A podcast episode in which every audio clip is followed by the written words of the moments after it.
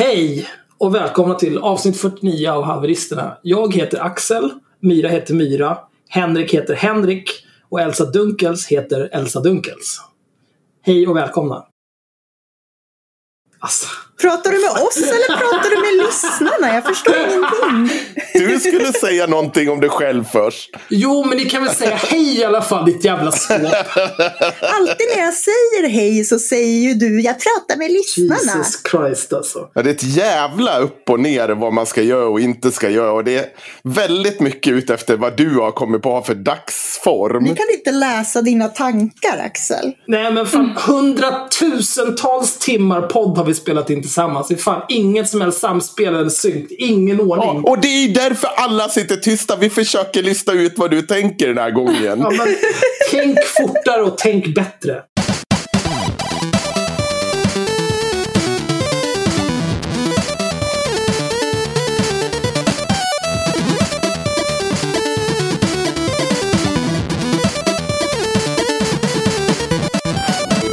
Axel. Jag är 39 år gammal. Jag bor i Stockholm och jag jobbar med data. På fritiden eh, säger jag åt folk att hålla käften.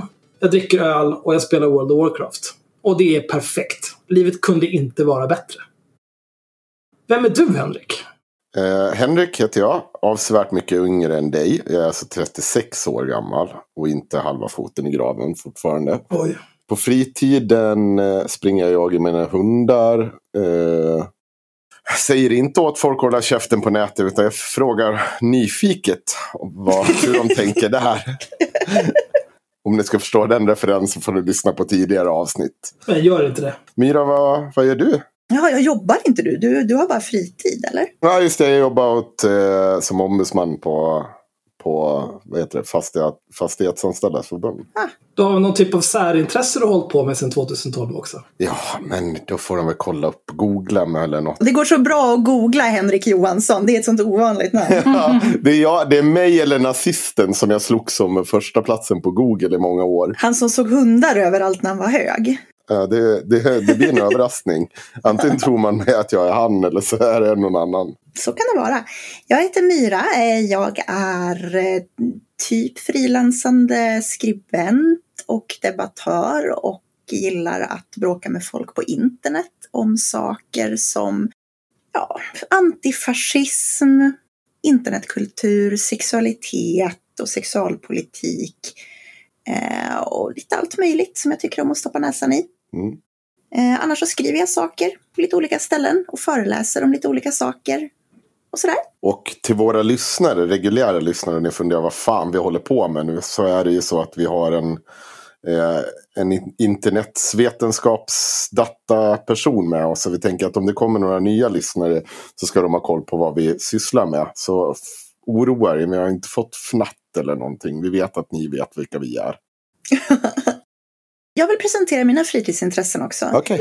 Eh, eh, jag har i och för sig inte så många fritidsintressen. Jag tycker om att eh, jag tycker om att göra samma saker som jag gör när jag jobbar. Fast jag gör det typ utan att få betalt på internet. Och dricka öl. Det tycker jag om att göra. Och så har jag tre råttor. Så är jag klar. Elsa, berätta om dig själv. Mm. Ja, jag är eh, forskare vid Umeå universitet. Har eh, forskat om barn och internet i 20 år. Ehm, men jag är faktiskt mest frilans nu, mera. Och eh, ja, men jag, jag är lite grann som Myra, att jag föreläser, skriver, ehm, debatterar och faktiskt att mina fritidsintressen är ungefär det, fast gratis. Så att där, där, där känner jag verkligen igen mig. Arbetsnarkomaner Unite. Ja, fast inte det heller. Jag är jätte, jättebra på att slappa och vila och så också. Mm. Men det kan inte hjälpas att jag har ett så roligt och intressant jobb. Det låter Mm. otroligt fånigt, men det är verkligen så. Mm. Det låter som att ni båda två kör lite på den här Do what you love and you'll never work a day in your life. Mm. Ja, e- eller varje dag, beroende på hur man ser det. Mm. Idag, idag är jag mer benägen att se på det som att jag jobbar gratis jämt. Eh, Mm. Mm. men, det, men det är mest Joakim Lamotts fel. Det kan vi ta en annan gång. Mm. Jag vet ju att du och Myra har pratat tidigare Elsa. Men jag, du och jag har också pratat en gång om du kommer ihåg det. Ja, vad var det? Jag hörde av mig och frågade hur dyr du var. Jaha. Konstig fråga. Du Ja. vet inte än idag kanske varför jag hörde av mig. Och, för Nej. våra lyssnare vet. Eh, det var inför, jag visste att eh, jag jobbar ju åt DT.se också. Och det är Mittmedia. Och de skulle släppa den här stora grejen om att Linnea Claesson hade åkt till Härnösand och tagit ut 120 lax för sin föreläsning. Och då var det så att då kollade vi av eh, runt omkring vad föreläsare som var liksom som var inne på det området hon föreläste tog i liksom någon slags snitt. Och um, ja, ni förlorar ju. Det var ju ingen som Mm. hade tagit 120 lax. Ja, nej men jag har ju ändrat sedan dess då. När jag fick höra Ja. det. Så att det, det är lugnt. Mm. Du, har- du har höjt upp det. Ja, det, det ska jag också göra. Kan man få 120 000 för det? Eh, Man tänker ju, kan en avdankad handbollsspelare få 120 lax så borde ju någon som har eh, jobbat med ämnet i 20 år kunna få mer. Det är min... Det, det är inte helt orimligt ska jag säga. Jag ty- jag tycker det låter Men det är, eh, samtidigt som jag kan, jag kan inte riktigt säga vem som är värd vad. För det är inte riktigt så enkelt heller. Faktiskt. Det, är ju, ja, det finns ju så himla mycket som spelar in där. Och det, Mm. Jag tycker själv att jag är väldigt dyr. Men jag, jag kan liksom förklara varför det är så. Mm. Du, du tänker på de här 20 år av att faktiskt läst på om saker och ting. Ja, till exempel det att jag är liksom, Man betalar inte för de 45 minuter som jag kommer att prata eller oavsett hur länge. För det är en del som säger men vi vill ju bara ha en och en halv timme. Ja men det spelar ingen roll. Jag har Nej. eh, jobbat för att få ihop det här och det måste någonstans Ja, men du, du ska inte Det skämmas måste för det. betala sig. Nej, Ja, det- nej men det gör det- jag inte. det- Men jag, jag skulle inte heller vilja ställa folk emot varandra så mm, Nej. med ekonomin faktiskt. Därför, och är det någon som är så eh, generös att de betalar 120 000 för att någon ska komma dit så eh, ja, men varsågoda. Har ni fixat Ja, pengar till det? Och, absolut. och liksom, det var ju varsågod och- skattepengar. Det var Skattepengar var det nu. Det Det drabbar är ju- det som är Jo, det drabbar ju ingen fattig. Nej. Nej. Oj, vad händer? Åh herregud Elsa, nu mixtrar du. Är det jag? Ja, det är någonting. Är det kabeln eller någonting som gör att det blir så? Ja, men jag, nu rörde jag på mig. Det var det. Ja, ja, gör aldrig det igen. Aldrig. Och jag frågar innan i så fall. Två saker du inte fick göra. Fick in, får inte röra dig, får inte mixtra. Nej, inte svära va? Så var det så? Eller jag kommer inte ihåg. Nej, du får inte svära heller. Det här är en kristen podd. Ja. Dummaste jag har hört.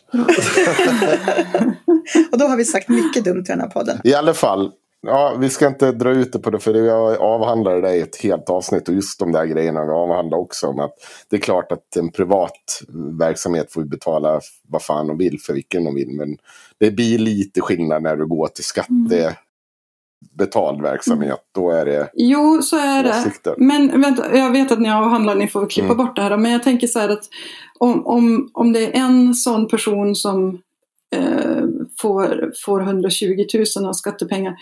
Så jag skulle ändå vilja ställa det mot all skit som görs. Eh, Umeå var eh, eh, Europas kulturhuvudstad eh, för några år sedan. Ja. Alltså det pumpades in pengar i det där katastrofprojektet som bara liksom Mm. strök makten medhårs och stängde vägar för den eh, verkliga kulturen i den här staden. Och så att sådana grejer skulle jag ju hellre då irritera mig på och så, och så Mm. låta Linnea Claesson skratta hela vägen till banken. För jag tycker inte att det är något problem. Sen, det finns problem med alla personer men ja, Ja, men det finns ju också det ett problem där också. Det var ungefär samma katastrof som i så fall som med Umeås kultur. För hon, det hon gjorde var att hon vände ju hem till Stockholm och snackade skit om alla ungdomar där. Så visade det sig att Ja, det inte riktigt det. var sant. Men vi, vi släpper ja den. vi släpper delen. det. Det finns ett helt avsnitt att lyssna på om det är någon som är intresserad. Mm, det ska jag göra. Jag gör inte det. Det är mest Henrik som är arg. Tror jag. Det avsnittet. Så minns inte jag det. Eh, Men i alla fall, Ska Axel ta över lekledarrollen igen? Det står faktiskt här i våra papper att Axel är lekledare. Jo, men jag, jag tänkte att jag är lekledare för introduktionen eftersom jag alltid gör introduktionen. Aha. Men det är ju det är väl du som har skrivit de flesta av frågorna här. Så jag tänker att du får vara lekledare för allt annat. Ja men okej. okej. Ja, det var bra. Eh, men vi börjar med, du, du sa ju det här om din forskning. Kan du berätta lite mer om din forskning? Vad är det liksom du har gjort under alla de här åren? Mm. Är det att du har suttit och pillat navel för våra skattepengar och jag måste bli arg? Mm. Och, eller har du faktiskt gjort någonting som vi kan ta med oss och använda oss av? Nej, det har jag inte gjort. Utan jag har skrattat hela vägen till banken. Det har jag gjort. Och det var det väl värt. Jag tycker. Det blev en kort podd. Ja. Jag är väl kanske en av dem som faktiskt har suttit minst på mitt tjänsterum till kanske vissas förtret. Då.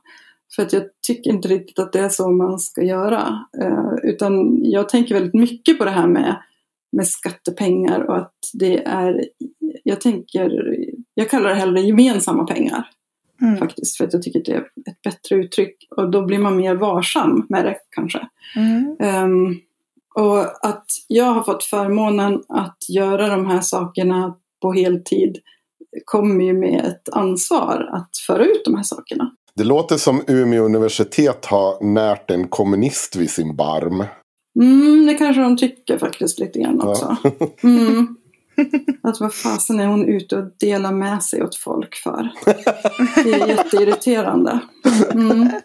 Nej men det är klart att det är folk som är irriterade. Men okej, det jag har Ja. forskat om är ju, eh, ja, man skulle kunna säga unga och nätet lite så här allmänt. Eh, Därför Mm. att jag har varit och petat i så många saker inom det området. Eftersom jag var så tidigt ute så fanns det ju inte ett forskningsfält. Det finns det ju inte idag heller. Nu finns det ju många olika forskningsfält om det här. Men det fanns Mm. extremt lite gjort. Så att jag började titta på ungas personliga säkerhet på nätet. Alltså, så brukar jag kalla det. Alltså, det betyder vad, eh, hur, vilka faror finns det och hur skyddar sig barn själva? Mm. Och vad kan vi vuxna lära oss av det? Ungefär. Men sen har det ju breddats till att handla om jag är lärare från början så att jag kunde inte undgå att se att det skedde väldigt mycket lärande eh, vid datorerna som inte alls pratades om särskilt mycket. Och, eh, ja, sen har jag fått olika specialuppdrag från myndigheter och så. Så jag har tittat på sexuell exploatering av unga på nätet och eh, kränkningar på nätet bland mycket annat. Och de senaste åren så har jag seglat in på eh, förskolebarn och nätet. Det måste ju ha skett en enorm utveckling för att det är som Mm. ett forskningsområde som hela tiden rör sig framåt. Mm. Det som sker liksom för 20 år sedan måste ju ändå vara ganska utdaterat. Eller ja, det, det här inser jag Ja. att det är även på de flesta forskning. Men det har ju gått enormt Nej. fort. Nej men det är stor skillnad. Mm. Jag är ju Ja. eh, gift med en forskare som Ja. där händer det eh, men en grej vart tionde år som de får liksom, aha, intressant, det här måste vi ta in. Eh, så att, och så för mig är det så att om jag läser någon av mina texter från 15 år tillbaka så vill jag ju dö. För att det är så... hur, ja, men bo- både att det var det saker som har hänt men också att sättet att tänka har förändrats så mycket. För det följer ju med utvecklingen. Att Mm. om, om man tänker på hur, eh, hur vi tog emot Lunarstorm när det kom. Nu är ni Mm. för unga för att komma ihåg det. Men Nej, nej, nej, nej, nej, nej, nej. Jag, jag försökte återaktivera mitt konto när det kom upp igen. Jag, alltså jag satt i ett Mm. dygn och försökte återaktivera. mm, Lyckades aldrig tyvärr. För det var ju ja, men det är en fantastisk historia i sig som Mm. jag, det kommer att generera massor med olika typer av eh, böcker och så, så småningom. Men, men då så var man ju, var vuxna tvungna att få det förklarat för sig som eh, det är som en ungdomsgård fast på nätet. Och då, ja men okej, då fattar jag. Eh, och så Mm. sa man om bloggar, så här, det är som en dagbok fast på nätet. Ja, ah, okej, då fattar jag. Och nu tycker man ju att det blir jättekonstigt därför att eh, nu kan man ju definiera en blogg med ordet blogg. Mm. Mm. Därför att det har fått ett innehåll. Och, och så var det ju inte då. Utan då var man tvungen att utforska de här nya och när man tittar på någonting helt nytt då måste man använda sina gamla termer och sina gamla tankemönster på det här nya, vilket ju inte funkar egentligen. Men det är enda sättet från början. Vi, vi, annars skulle vi bara plocka ord liksom ur luften, eller hur skulle vi göra? Så det är ju en stor skillnad, att vi tänker annorlunda om de här, pratar annorlunda om de här sakerna idag än när jag började. Det blir det samma sak som när man tittar på historia och man säger att eh, när det, man har ju någon term för när man eh, pratar om att man tittar ur på historien fast ur ett nutida perspektiv. Alltså att man gör ett fel där. Mm. Kan, kan det bli samma grej? Vad heter det begreppet? Har du lärt dig det här från historiepodden? Det är väl klart som fan jag har lärt mig det från historiepodden.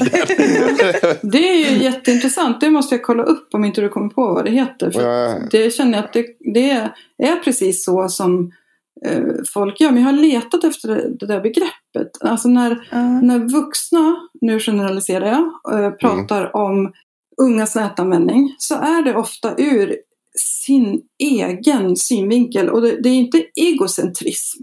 Nej, nej, nej. Om, utan det är, det är det här att vara inne i sitt eget huvud och titta ut genom sina ögon och inte förstå att det finns ett annat. Man kan stå där borta eller man kan stå där nere och göra, titta Mm. på samma sak. Precis, det är bara sina egna referensramar. Ja, hela tiden. Jag tänker att det borde vara ett återkommande problem eh, i pedagogik. Eh, att Mm. man förväntar sig att barn ska fungera precis som vuxna i och med att Mm, barn anpassar sig efter det rådande samhället på ett annat sätt. definitivt. Det måste bli extremt uppenbart inom ditt område tänker jag. I och med att det Mm. har hänt så mycket förändringar. Jag Mm. menar, eh, vi är väl typ en av de sista generationerna som kommer ihåg ett liv innan internet. Till exempel. Mm. Det brukar jag tänka på Mm. ibland. Att Ja, jag kommer ihåg att inte, vi, fick ju, alltså vi fick ju internet hemma hos mig. Och då var vi ganska tidiga i och med att min pappa då jobbade eh, som programmerare. Så att vi hade nog internet hemma så här på landet i Norrland, på glesbygden, eh, när jag var kanske 12. Och då började folk få det hemma. Så, eh, Mm. så att eh, det är liksom 20 år sedan. Ganska exakt. Alltså jag är så gammal att jag kommer ihåg när vi fick kabel-tv i femman. Ja. Det var fan high life. och det ser vi ju hur det gick. Ja. Ja. Videovåldet förstörde mig. Mm. Känner du, men apropå, eftersom vi tog upp det där med att dra paralleller till em, liksom att försöka sätta saker i ett dåtida historiskt eh, sammanhang. Eh, känner du någonsin liksom att du kan känna igen hur vi ser på, alltså det, det här blir lite av en metafråga då, men jag, jag tänkte på när du sa det här med att ja, det här är som en ungdomsgård online, då tänkte jag omedelbart på det här med Heta linjen. Mm. Eh, och för er som inte har koll på det så var det ju egentligen att man kunde ringa in. Det här var på 70-talet var det va? Eller något sånt där. Det fanns senare också. Ja, 70-80. Ja, 80-talet kanske det var. Man kunde, man kunde liksom ringa in till ett nummer och så kunde man sitta och prata med totala främlingar liksom i en och samma kanal. Lite grann som hur Aftonbladets chattrum var eh, när, när jag hade, liksom, fick Mm. internet hemma. Så det, jag tänker att det finns ju liksom paralleller man kan dra i hur, för det såg också vuxenvärlden på som någonting fruktansvärt och farligt. Och eh, jag tycker att man kan se paralleller med hur man ser på datorspel i hur man har pratat om serier och rollspel och Mm. eh, ja, böcker var det du som tog upp någon gång tror jag på Instagram. Mm. Ja men absolut, och det är ju en av de eh, vad ska man säga, ramverk eller teorier som jag jobbar med för, i min forskning för att förklara det jag ser. Och, och framförallt då vuxnas reaktioner på ungas nätanvändning. Det här eh, mediepaniker som man kallar det när, Mm. man, när det kommer ett nytt medium och, och folk blir helt galna av oro. Och att, Mm. att vi är ju mitt uppe i en sån nu, det är ingen tvekan om vi uppfyller alla kriterier på en sån. Eh, Men grejen är att det här är en sån mycket större än hårdrockstexter till exempel. Det är eh, videovåld. Det gick ju över på några år, det var överskådligt i alla fall. Mm. Men det här bara fortsätter och fortsätter och fortsätter. Eh, nu, och det här är farliga saker. Ja, jag tänker att det här är en så stor del av folks liv för att Ja. man lever ju i så stor utsträckning på internet. Alltså okej att man dömer ut eh, vilken musik folk lyssnar på därför att även om dina föräldrar vägrar låta dig spela Metallica hemma så kan du lyssna på Metallica på ungdomsgården. Mm. Men här är det ju liksom om man utestängs från internet eller blir bortskrämd från internet så tappar man ju mycket av det sociala livet liksom och sådana grejer som... Absolut, men det är också så att det är skadligt att vara utsatt eller vara liksom objekt eller vad man ska säga i en sån här panik. Därför att Mm. även för de som, var, som lyssnade på hårdrock. Och sen så gick ju Mm. det här över och eh, Sivert Öholm bad om ursäkt och allting var eh, jättebra. Men de hade ju ändå levt, det här var ju deras tonår eller vad det var för tid i, livet. Det har, den har ju redan passerat. De får inte Mm. tillbaka de tre, fyra åren som det handlade om. Där de kände att jag vill det här men alla andra tycker att det är dåligt och farligt och, och så slits de liksom mellan det här lite, kanske bygger upp något självförakt eller eh, förakt för andra, inte vet jag. Men alltså det är ändå någonting, eller- ja, det är ändå någonting som händer i dem som vi inte har rätt att, att utsätta någon för. Och precis det händer ju idag när, när det finns de som har fått såna, sån otroligt förbättrad livskvalitet tack vare Mm. nätet. Men som ändå kanske ibland måste mörka med det lite grann. Det finns föräldrar som inte riktigt vågar säga på jobbet hur mycket deras barn använder nätet för att det är, det är lite skamligt. Mm. Och, och då ser de ändå att mitt barn har äntligen vänner eller mitt barn känner äntligen någon sorts trygghet. Alltså, ah, det är så vansinnigt oschysst. Mm. Och, och det hänger ju också ihop med det här att de som pratar om det här, det är ju normbärarna. Det är de som eh, klarar sig ändå. Ja. Men det, det måste jag ställa för. Det måste ju ändå som vara en tudelad sak. Alltså du kommer ju alltid ha subkulturer. Kommer inte det alltid finnas? Det har vi väl alltid haft. Och vi har alltid haft en rådande norm som pekar på den andra och säger att det är fel. Jag tycker det, det roligaste sättet att titta på det där. Det är alla de här hårdrockarna, just som du tog som exempel. Om man kollar på gamla skokataloger ända tillbaka till 80-talet fram tills nu.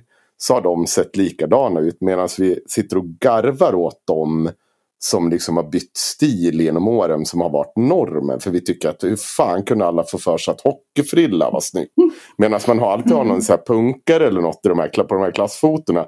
Som ser exakt likadana ut som idag. Det är de, de har ju hållit samma stil i liksom 20-30 år. Förstår Mm. ni vad jag menar? Mm. Alltså, ja, jag vet inte om det blev en fråga. Ja, men menar du att, att eh, subkulturer inte, alltså att de, de har ett värde för medlemmarna?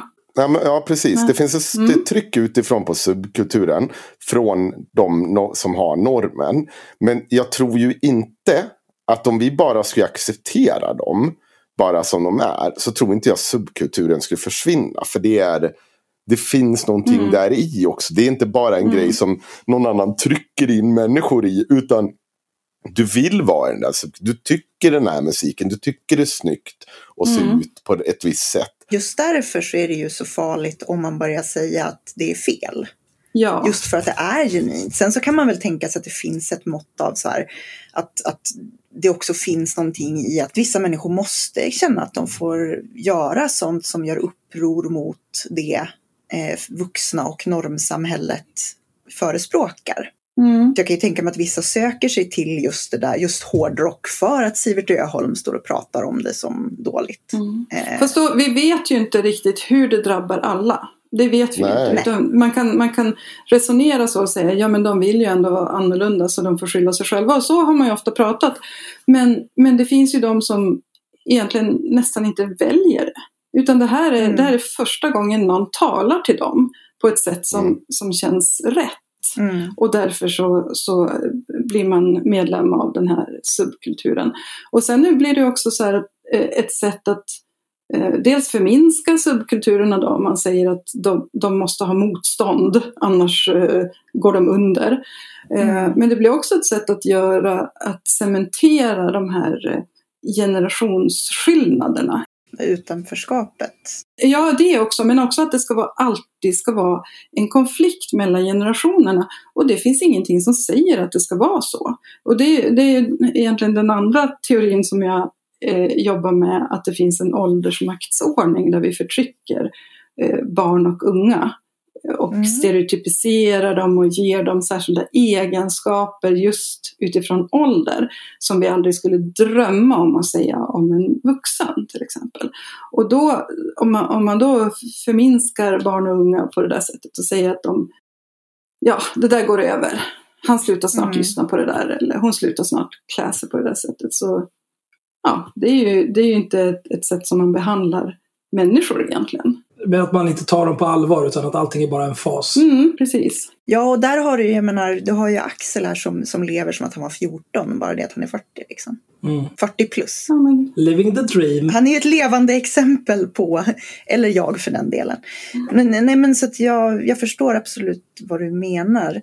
Det jag tänker är liksom att för mig så, och säkert för Axel också som har varit gamer mycket av sitt liv, så är det där så självklart att det kan, liksom att det kan finnas någonting väldigt positivt och stärkande eh, i att vara, som nu då när man liksom är en subkultur, man är gamer och sitter online hela tiden. Ehm, jag, jag har så svårt att förstå hur man inte som förälder kan förstå det. mm, För att det är så självklart för mig någonstans. Men det är väl samma sak som eh, gå ut och lek. Mm. Det är väl folk i min generation, i min ålder till och med, som tror att om man sitter på internet, spelar spel och pratar med sina internetkompisar, det är inte, det är inte att socialisera på riktigt. mm, precis, det är inte riktigt umgänge. Ja, alltså det är verkligen, det finns i alla. Så fort folk blir vuxna så, så verkar det finnas. Alltså, jag blir, första gången jag insåg hur unga eh, journalister var som ringde till mig med de här farhågorna. Mm. Borde de inte ha riktiga vänner?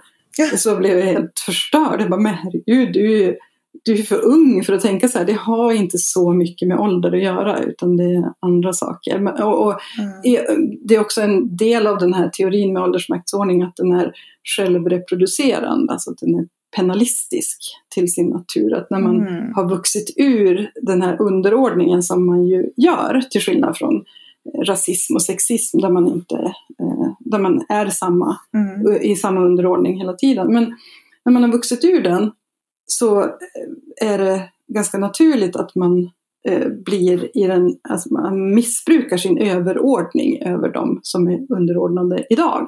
Betyder det att vi är dömda att göra om våra misstag mot Nej. även fast vi är... Nej, Ja, okej. jag tycker tvärtom. Att i och med Ja. att vi vet det här, det är då vi kan göra någonting åt det. Det är som um, ja, men rasism och sexism är samma sak. Mm. Då, från början när folk presenterade sådana teorier så sa ju andra att nej men kom igen. Ja, Det Mm. där är ju bara helt naturligt att säga så. Jag är ju egentligen inte rasist men eh, och så vidare. Så det var ju liksom det var ju de argumenten som man använde på den tiden. Men i och med att upplysningen har blivit bredare och bättre eh, så, så kan vi ta oss ur det. Och det tänker jag också med, med de här panikerna. Att vi, vi måste inte köra huvudet i elementet gång på gång. Vi kan ju också bara titta tillbaka och se exakt de här argumenten använder man. Vi har gjort så här förut. Ja, och det är, liksom, det är ju på ordet samma formuleringar Mm. när det gäller Mm. ja, men, skärmtid nu och när det gällde bokläsning Mm. på den Mm. tiden. Berätta om det här med greppet med skärmtid och vad, liksom, hur du ser på det. Ja, man hittade ju på det på den tiden när man kunde mäta tiden framför en skärm. Mm. Alltså det var ju på tjockskärmstiden. Eh, när man, kunde, man hade en stol framför datorn och sen så kunde, man, kunde folk anteckna då i någon studie. Så här, Mm. idag satt jag 32 minuter. Eh, och då är, det ju, ja, men då är det ju rimligt. Då är det ju inte konstigt att mäta hur, mycket, hur, tid, hur länge duschar du per dag och så. Men nu så är ju våra primära skärmar är ju i de flesta bär den ju i handen hela tiden. Så att den är ju ständigt närvarande. Och det betyder ju att vi inte kan... Då skulle vi kunna säga så här, skärmtid 24 timmar, skärmtid 24 timmar. För i praktiken är det ju så, det är ju, ja, man kanske inte tittar på den på natten, men en del mäter ju till och med sömnen och så med sin primära skärm. Så Mm. det blir så fånigt eh, på det sättet. Och dessutom så innehåller ju eh, begreppet så många olika aktiviteter. Och det går inte att benämna dem med ett och samma ord. För då måste du baka in dem. Ja, det, skärmtid det är till exempel att hacka en eh, Mm. dator och sno alla deras pengar. Och sen är skärmtid också att, att facetima med sin bästa vän som ja, gråter förtvivlat och vill ta Mm. sitt liv. Alltså, Eller att jag är ute och springer. Mm. ja, det är ju definitivt. För, för jag använder ju appar till det när jag är ute och Ja. springer och lyssnar på musik. Jag, jag har ju Ja. upp den flera gånger under en löpning. Alltså, och, eller se till att jag håller koll på intervaller och sådär. Ja, även om du inte har det så är det ju skärmtid därför att du använder din primära skärm till det, den aktiviteten som du Mm. gör. Så det blir det är ett sånt löjligt begrepp och dessutom så lurar det iväg tankarna. Alltså fokuset flyttas från det som är viktigt, alltså hur barn mår, Mm. eh, till hur mycket tid de tillbringar vid en skärm. För det som vi skulle behöva göra det är att titta på varje enskilt barn. Hur mår det här barnet? Eh, vad är det som gör att hen inte mår bra? Vad är det som jag borde uppmuntra? Vad är det jag borde liksom få igång? Och så vidare. Oavsett om det är digitalt eller analogt eller vad det handlar om. Men det här flyttar ju fokuset. Nu pratas det, det ges ut böcker om det här till och med. Istället för att Mm. vi sitter ner och liksom vrider på barnet och säger jag pratar med mig en stund, jag vill se Mm. dig, dina ögon och Mm. höra någonting som du har att berätta. Men borde man liksom prata om stillasittande tid istället? Mm, det kan man göra. Många gånger så är det väl det man menar, att man tänker att ja, de sitter bara, de är inte ute och rör på sig. Liksom. Och det kan ju vara... Då får de ju säga det. Ja, Eller hur? Det är precis. jättefånigt. Ja. Och dessutom tror jag att det där är en, en ursäkt. För att Mm. det är ingen som säger så om barn som sitter inne och läser om Harry Potter-serien hela sportlovet. Nej. Det är ingen som säger så om en, en treåring som just har lärt sig trycka ihop legobitar och inte kan Nej. sluta. Alltså, det, det ser inte vi som stillasittande. Vi ser inte heller, vi, jag kommer ihåg när Pokémon Go kom så började folk oroa sig för eh, grejer som benhinneinflammation hos barn för att de var ute och sprang. Eh, och, och då, men alltså, om man tänker idrottande är ju jättefarligt ur den synvinkeln, Mm. skadesynvinkeln. Jag kommer ihåg att folk, det var ju liksom att folk gick in i bilar och in i väggar. Det var Mm. liksom som att folk var totalt... Ja, och att våldtäktsmän skulle sätta upp sina pokestops i sina hem så att barnen skulle gå dit och bli fångade. Alltså det var ju så det var helt... Ja. Det fanns så mycket sjuka grejer. Fan, vi blir ju förståndshandikappade när vi får Mm. ett nytt medium inser jag nu. Ja. Ja, men det är det som är så intressant att måla fan på väggen. Det är vi tydligen jättebra på. Mm. Men sen, sen kommer ju de, de här bra idéerna. Men om man tittar på kriminella och kommersiella krafter.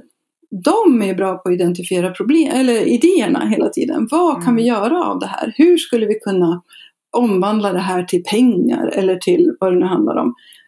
Eh, varför, varför är inte vi andra likadana? Varför är inte skolan likadan? Varför är inte vården likadan? Och är där och liksom sniffa på vad kan det här hjälpa mig med? För sen gör vi det efter ett tag. Så har Men liksom, vi har sett vad som händer. Ja, Men precis. då är det så dags. Mm. Jag har ju tänkt Mm. på det där jättemycket. Varför inte liksom landstingen har snott marknaden av alla de här doktor.se och Kry och allt vad de här apparna heter. Mm. Som det har varit jättemycket snack om just för att de har ju liksom tagit pengar och resurser från den statliga vården Mm. och som gjort vinst på det i privata vårdbolag. Ja, och dessutom bluffar de ju. Ja, det lättaste skulle ju vara att, jag ge, att, liksom, att man digitaliserar eh, den statliga vården på precis Mm. samma sätt. Och Jag förstår inte liksom, varför man håller på att vänta med det. För, att, Nej. för människor som har den här inställningen till internet som de yngre generationerna har på ett naturligt sätt eh, så är det här en, en jätteviktig grej. Att Mm. kunna komma åt vård genom appar. Jag jobbar ju med data, som jag nämnde. Och en del, jag har jobbat en hel del med support. Mm. Jag tror att folk som inte anammar och älskar datorn, särskilt om man väljer att jobba på ett kontor och sitter framför en dator åtta timmar om dygnet och har den som sitt primära arbetsredskap. om man inte lär sig att älska datorn och lär sig mer om den än att bara utföra sina arbetsuppgifter, då kommer det bli knepigt i framtiden. Ja, mm. för, får jag säga en sak om, för jag är ju en av de som har varit skeptisk till vårdappar och sånt. Eh, om, om vi släpper den delen. För eh, jag, kan, jag, kan, jag, jag, tänker nog också att det här är någonting som måste till. Men jag tror, tror inte ni att, ligger inte oron hos folk där att det ska missas allvarliga sjukdomar när du inte är på plats. Men då är ju frågan, mm. hur många gånger missas inte de här när du väl är på plats? Om du sitter och hostar och det du egentligen mm. är det är att du har fått eh, bögpestcancer i lungan helt spontant då missas det ändå när du kliver in i, i själva liksom oss läkaren. Förstår ni vad jag menar? Och för er som inte är nytillkomna lyssnare så driver vi med bögpestdiskussionen, alltså hiv. Ja, det kommer jag på att det kanske, mm. det kanske är bra att förklara för nya lyssnare. Ja, det, här, det här tillkom i ett avsnitt där vi pratade om att nazisten Ingrid Carlqvist eh, trodde på en konspirationsteori om att Olof Palme hade fått hiv och inte alls blivit mördad. Det är därifrån det kommer. Det är inte lätt när man går mellan och försöka göra något seriöst reportage till att sitta och skrika i två timmar till att intervjua någon. Det är mycket olika. Nej, men du, jag tycker du håller nivån bra Henrik. Det är, det är bra, kör på du. Men alla de här apparna, det är ju egentligen jag har aldrig använt dem, men som jag förstår det så är det du, du eh, kör någon typ av videochatt med någon ja. som, som utger sig för att vara läkare.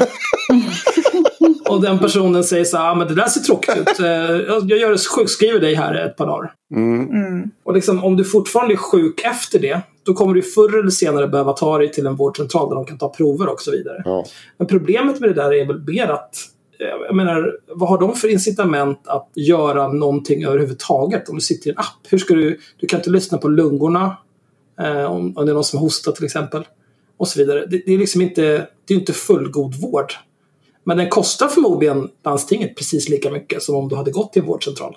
Mm, och de vill ju klara av eh, eh patienterna så fort som möjligt också och gärna få in sådana som tror att man kan få bli botad från en förkylning. För det, då då får ju de eh, patientpeng för varje patient mm. som de har. Ja, det är väl det som har varit kritiken. Att de har ju tagit, och sen så fort någon har haft något lite svårare problem så har man sagt gå till din vårdcentral. Och så tar man betalt för de här lätta besöken och de svåra skickas till den fysiska vården. Eh, så det, det, är ett, liksom ett problem, men det där skulle man ju kunna lösa genom att vårdcentralerna själva hade, alltså de fysiska vårdcentralerna hade den här, för då skulle de kunna sålla på det sättet. Själva istället. Mm. Hade du något mer att säga om just begreppet skärmtid Elsa? Nej, ja i och för sig att det, här, det kommer ju att försvinna. Ja. Det, det är ju liksom med historisk precision vet vi att det kommer att försvinna. Om vi tittar på historien. Men har det inte till stor del försvunnit? Oh nej. Jag tycker inte man... Oh, Gud. Jaha. Nej. nej, nej. Oh. Det släpps ju böcker om det nu, jag såg dem. Ja, precis ständigt och jämt kommer det böcker för Jag tycker man såg artiklar om skärmtid mycket oftare för ett mm. par år sedan. Nej men det där kanske beror på vilken bubbla man är i också. För jag är ju i den bubblan där de hela tiden ringer till mig och ska ha kommentarer om sån här, sånt här strunt. Skärmtiden. Mm. mm. Hur ofta brukar de publicera dina kommentarer? Om du ger en kommentar liknande det svar du har givit här. Um, hur, ja, jo men alltså är det någon som ringer och intervjuar mig så publicerar ju de. Ja. Det är inte så att det, att det censureras bort för att de inte håller med. Utan de flesta jag pratar med är ju genuint intresserade av att veta. Fast många gånger så ringer journalister och har en annan ingång än det slutar med. De vill veta mm. vad är dina tre bästa råd för att minska barns skärmtid. kan vara ingången. Mm. Och så får jag lägga 45 minuter obetald tid på att vända på det hela. Det har vi pratat om. Nu ska jag inte ta över men jag känner igen det när jag får frågor om SD. När politiska partier vill ha deras senaste skandaler. Och så man, får man börja ställa frågan, vad ska det här vara till? Ja, men vi ska prata välfärd. Ja, men prata välfärd då. då. Är du, varför? Mm. Nej, det här är poänglöst. Det, så jag, det där kan jag relatera till. Mm. Men jag är jättenyfiken på en sak. Och det är ju varför du skriver så här på din sida. Eh, för, för det här var också en grej där vi inledde med att när jag satt och kollade dig för ett tag sedan så reagerade jag på det här. Alltså, du, du skriver så här. Boka mig som föreläsare. Läs gärna detta först. Vill ni boka en föreläsning med mig? Gör det inte.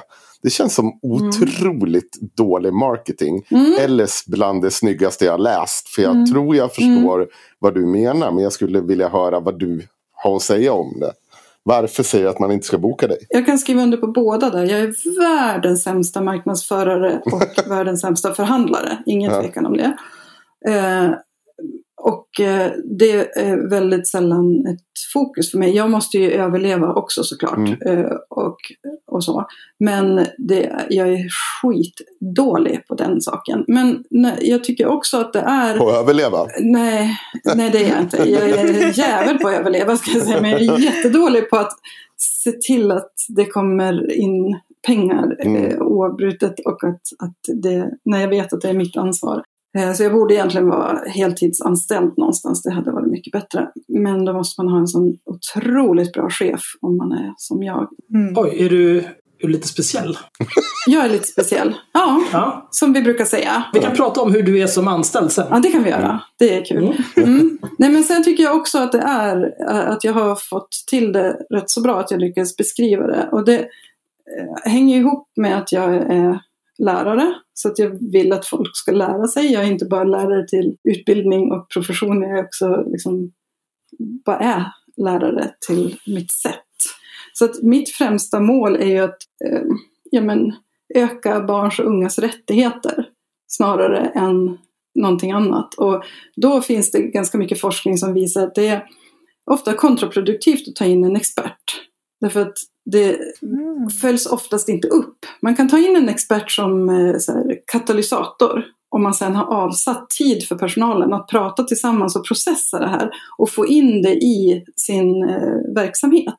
Men oftast är det inte så, utan det är en och en halv timmes föreläsning och sen är alla så här bara oh, det här var jättebra och sen är det måndag och så börjar allting igen. Mm. Mm. Och, och då tycker jag att det är bättre att ta de här, om man nu har budgeterat för det här, ehm, eh, avsätt tid. Eh, köp gärna mina böcker, gör en läsecirkel eh, i arbetslag och gör saker i skolan istället. Det här låter som att man kan inte lösa problem genom att bara ta in en föreläsare som babblar i två timmar. Utan man måste ha någon typ av långsiktig plan. Det finns lite som tyder på det. Det här känns inte bra. Nej, det känns inte alls bra. Men, Nej, det känns eh, inte bra. Nej, men så, eh, så verkar det vara. Det hade jag aldrig kunnat ana faktiskt. Nej, nej. Det, det, jag har själv kommit på det här så jag förväntar mig Nobelpriset i ekonomi så småningom. Ja. Nej men eh, det är ju verkligen så att man egentligen borde, borde man ju tänka så. Borde, Ja, så är det ju. Alltså, jag tänker särskilt med barn och ungdomar som är eh, flyktiga i tanken, om man säger så. Mm. Då, då, då räcker ju inte bara säga en sak en gång, utan det måste ju vara varenda dag hela tiden. Mm. Ja, precis. Och det, jag ser det som mitt ansvar att utbilda de vuxna så att de kan ta det här med de barn de har ansvar för hela tiden. Så att det ska, vara, Mm. ja, men det ska finnas i vardagen, annars så är det poänglöst. Det kan vara jätte, jättekul och de kan ha plockat upp någonting. Men det kommer inte påverka eh, det som är viktigt egentligen. Nej, repetition. Ja, Ja, men också liksom och praktisk tillämpning. För jag Mm. tänker att så här, det finns ju ett värde i, jag vet inte, jag, jag, eftersom jag skriver ganska mycket, så ibland så är det ju så eh, att jag skriver texter och så är det egentligen bara så där att jag tänker att det här är min, någonting som jag sitter och analyserar och tänker. Och det är mer så här tänkt att ja, men det här kanske väcker tankar hos någon.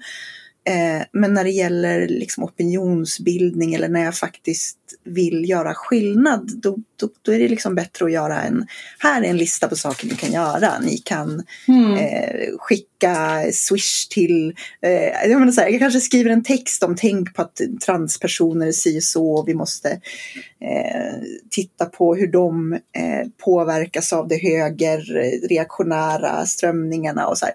Men, men vill jag liksom göra direkt skillnad så kanske jag måste skriva så här, här är fem punkter du kan göra för att Mm. förbättra världen. Eh, och så ger man väldigt handfasta tips. För att det, alltså jag tänker också att det har lite att göra med hur vi hur, hur våra hjärnor funkar i och med internet. Alltså du vet det här man tittar på att vi har blivit bättre på att liksom ta in mycket information i korta segment. Så här, Vi Mm. liksom har blivit sämre på att läsa långa texter och vi vill liksom plocka in mycket information på kort tid. Och att det, att det liksom är någon sorts effektivisering av, Mm. av hur, vi, hur vi läser. Och att eh, man behöver liksom både och. Man Ja. behöver både kanske ha de här föreläsningarna eller texterna där man får läsa och sen landa i sina egna tankar. Men också det här att man får väldigt handfasta tips. Mm. Ja men det tror jag verkligen du har rätt i. Och jag är usel på handfasta tips. För jag tänker så här. Jag kan inte säga någonting om vad du ska göra. Ju, du vet ju om din verksamhet eller din personlighet eller dina barn. Ja. Jag kan ju bara liksom måla upp någon sorts bakgrund. Så här. Men jag försöker bli bättre på det. För jag vet ju att man vill ha det. Ja, men och sen tänker jag också att vissa är väldigt bra på att kondensera det andra tänker till väldigt enkla punkter. Alltså att det finns olika människor till olika saker. Ja. Precis. Ehm, och att, att jag kan vara väldigt bra på att läsa en forskningsstudie eller någonting och sammanfatta den på ett sätt som folk blir så här, jaha, Mm. det här fattar jag. Typ. Eh, och, och jag kan tycka att det är rätt kul att göra och viktigt att göra så. Men andra, är, jag skulle kanske inte ha tålamodet att sätta mig och forska på någonting och skriva en sån här studie själv. Mm.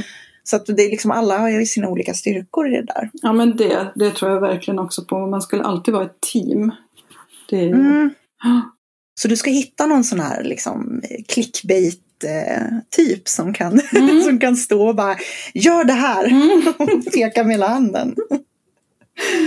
Det skulle vara det perfekta. Mm. Mm. Spännande. Vad känner jag. Vilken, vilken, vilken utfyllnad. O- obehagligt. ja. Ja. Nej men det är mer så här. Jag, jag tänker bara att hoppa tillbaka till det börja. Och jag tycker det. Jag förstod. Du, du har ju ändå så broderat ut den texten. Det gick inte på din hemsida. Så jag sprang runt och liksom. Skrö, eller inte skröt men liksom berömde dig för att du hade skrivit så här. För att jag, alltså det, är, det är så snyggt gjort. Det är så här, man, man, ja, det, det är väldigt snyggt gjort. Det är för att du är sosse och tycker att alla ska vara så här jante och säga Nej. nej, jag, jag det- kan ingenting, borde jag absolut inte anlita. Nej, fast det är inte så jag säger. Nej, det är verkligen inte det. verkligen inte det hon säger. Nej, jag skryter gärna upp mig själv. Jag har Ja. inga problem med det. Ja, Men det är ju så här att eh, det här är att inte utlova alla förändringar. Att du ska vara den Mm, som kommer att lösa skolans alla jävla problem. För så funkar Mm. det inte. Så för, har det aldrig funkat när jag har varit ute och föreläst om rasism. Det kommer fortfarande sitta folk och tycka det. Eller dittan dattan. Och det, det är som säger, men det var snyggt. Det är inte någon, jag har inte sagt det själv någon gång. Och jag, jag varit imponerad av det. Jag tyckte det var fränt grepp.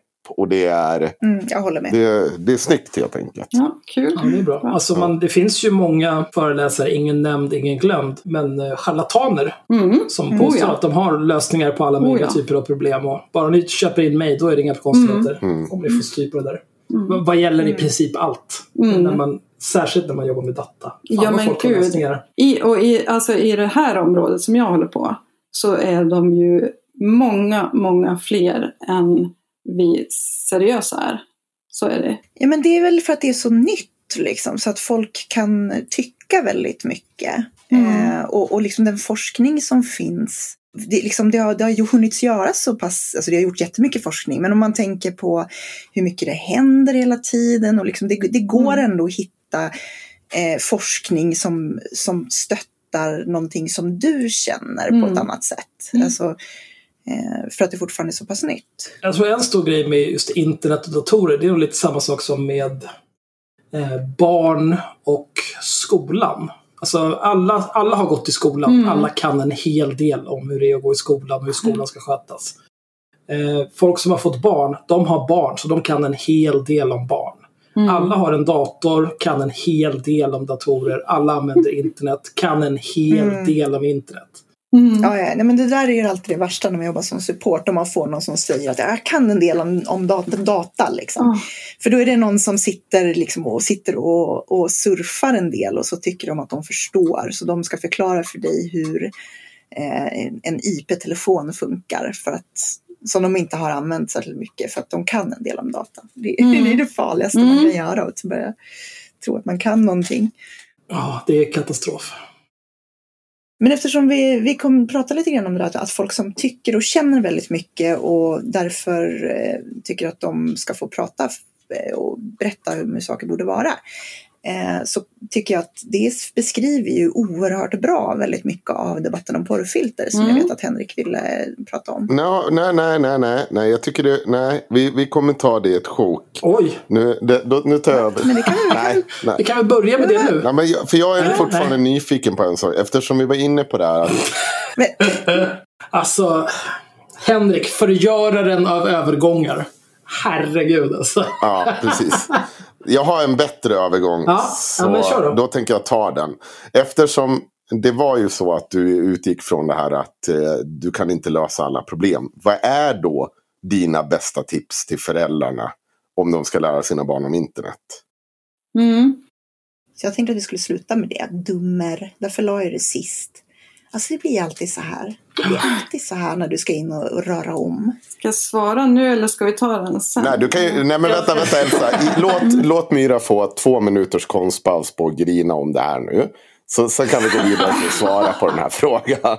Kör nu Elsa, Mm. kör nu. Eh, jag tänker faktiskt så här att frågan är fel ställd. Därför Oj, det Det var är... Myras fråga, jag tar inget ansvar. Ja, jag fick ju inte ställa den så att... Nej, men det är en jättevanlig fråga. Men jag tror att oftast så behöver man vända på det och tänka, är det verkligen så?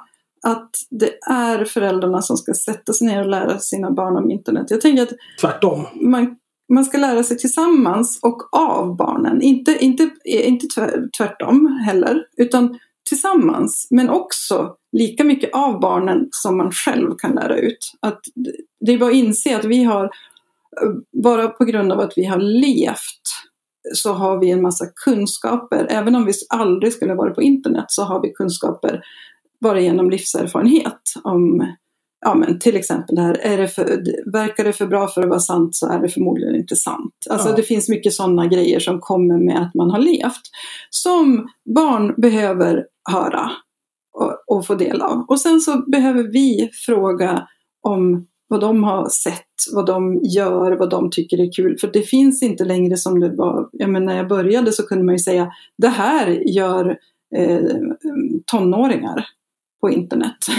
Eh, Då, då kunde man liksom räkna upp då Lunarstorm och så alla de andra. Och så Bilddagboken. ungefär hur de, ja, precis. Mm. Men så ser det inte ut längre utan nu måste man och jag tycker inte heller att det är en bra idé att vuxna lär vuxna vad barn gör på internet. Utan man får förstå att det här är massor med olika kunskapsområden i ett och vi måste hjälpas åt. Och då kommer det inte att bli det här.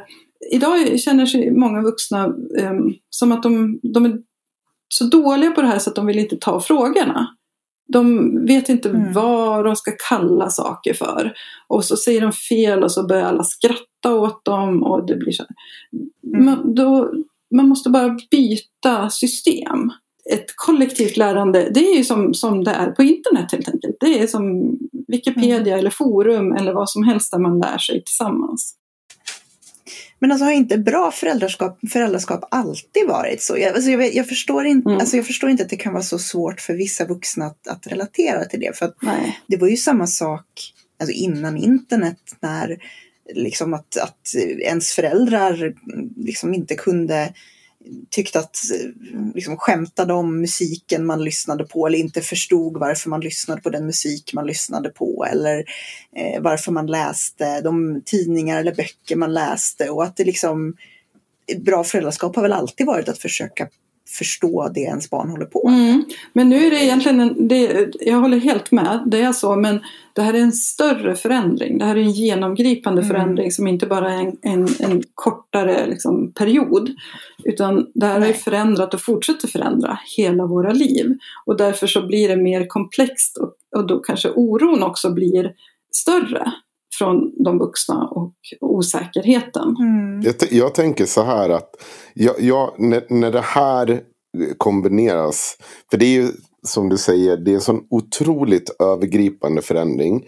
Och inte nog med det att den går allt snabbare och snabbare. Det är ju liksom när jag flyttade ut till mitt hus i obygden en mil utanför liksom Avesta stad och då är Avesta stad inte jättestort.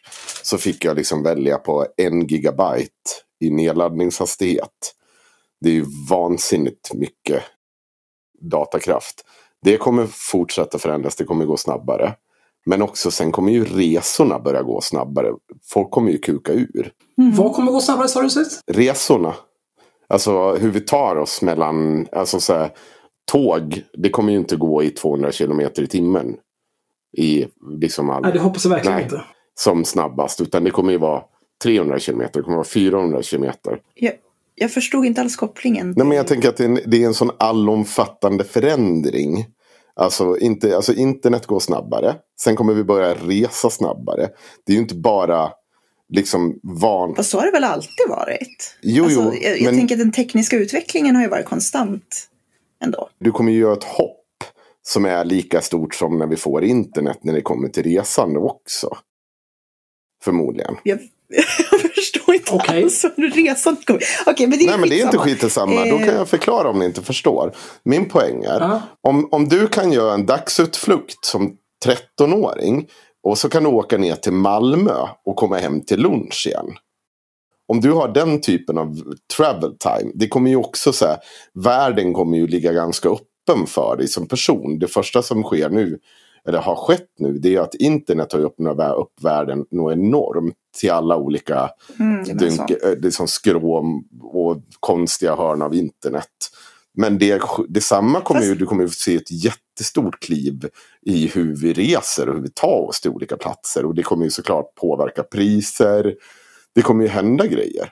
Och jag tror inte att det är så långt borta. Ja, alltså resandet kommer ju säkert ändras. Men jag tror snarare om man ska hålla sig till liksom hur internet funkar. Att, att man kanske istället för att resa någonstans till halva mm. andra sidan världen så kanske man eh, hyr en drönare som åker runt Taj Mahal medan du sitter med ditt VR-headset och kan se dig omkring precis ja, hur du vill. Kanske det. Mm, jag tror också jag tror att resandet kommer minska snarare.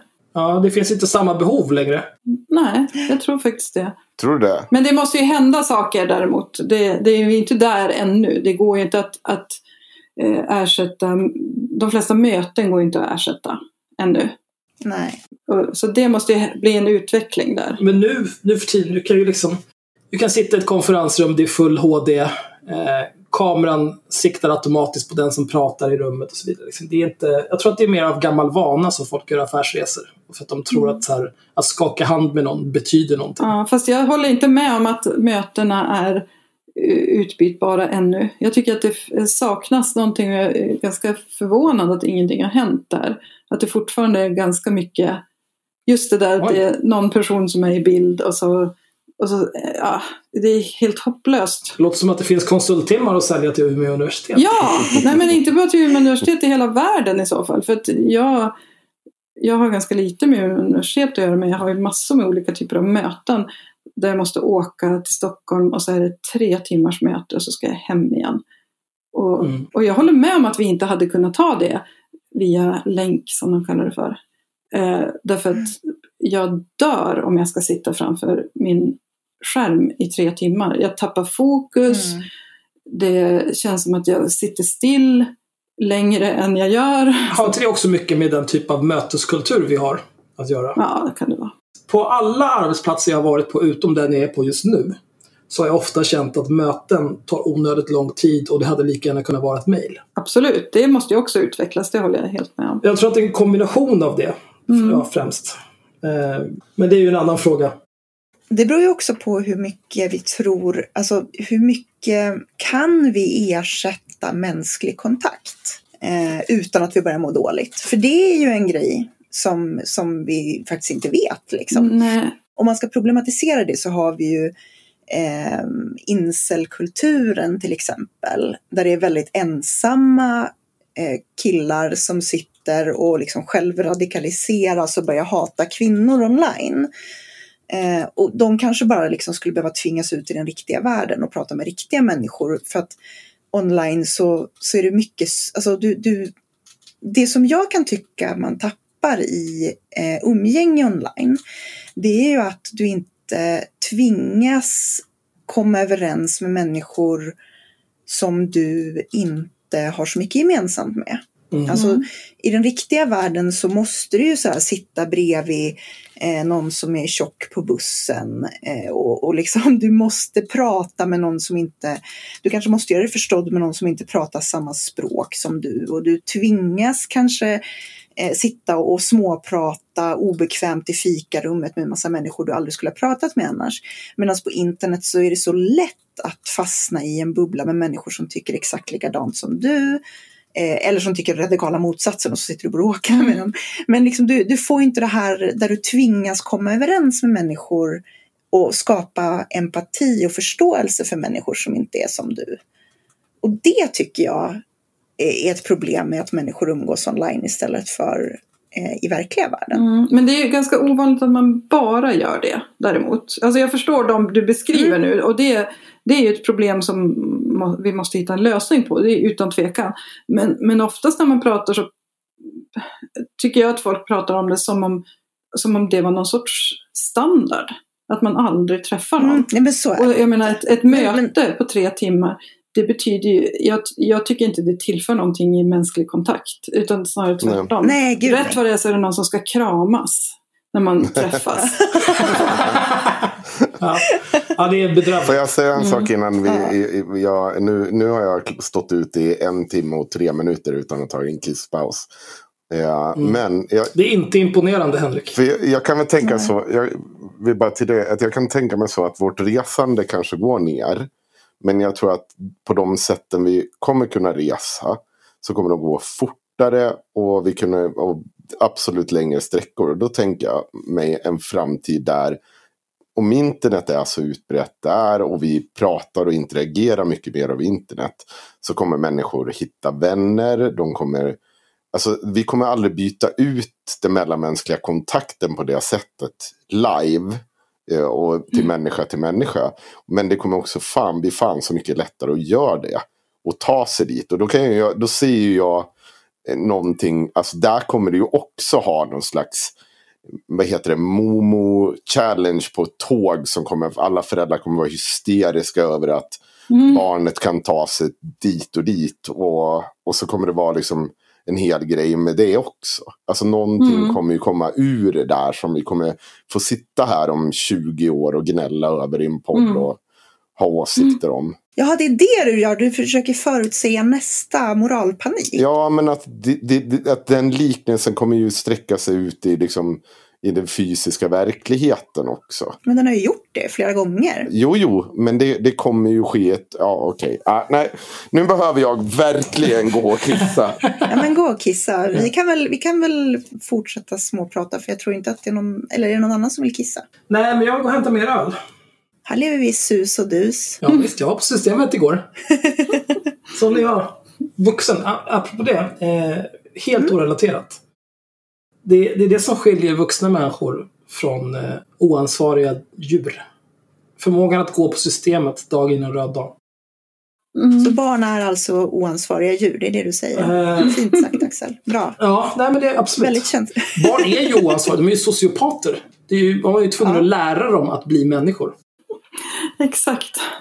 Jag tror ju att alla människor är lite så. Jag tror ju att barn är bara ärliga med det. Mm. Ja, precis. Och sen så, så manglar vi ut sociopatin ur dem och får dem att förstå att ditt beteende kan få omedelbara konsekvenser. Så där gör du inte om du inte vill få en smäll på tunnelbanan i framtiden. Det är ju så det är. Alltså barn är ju helt galna.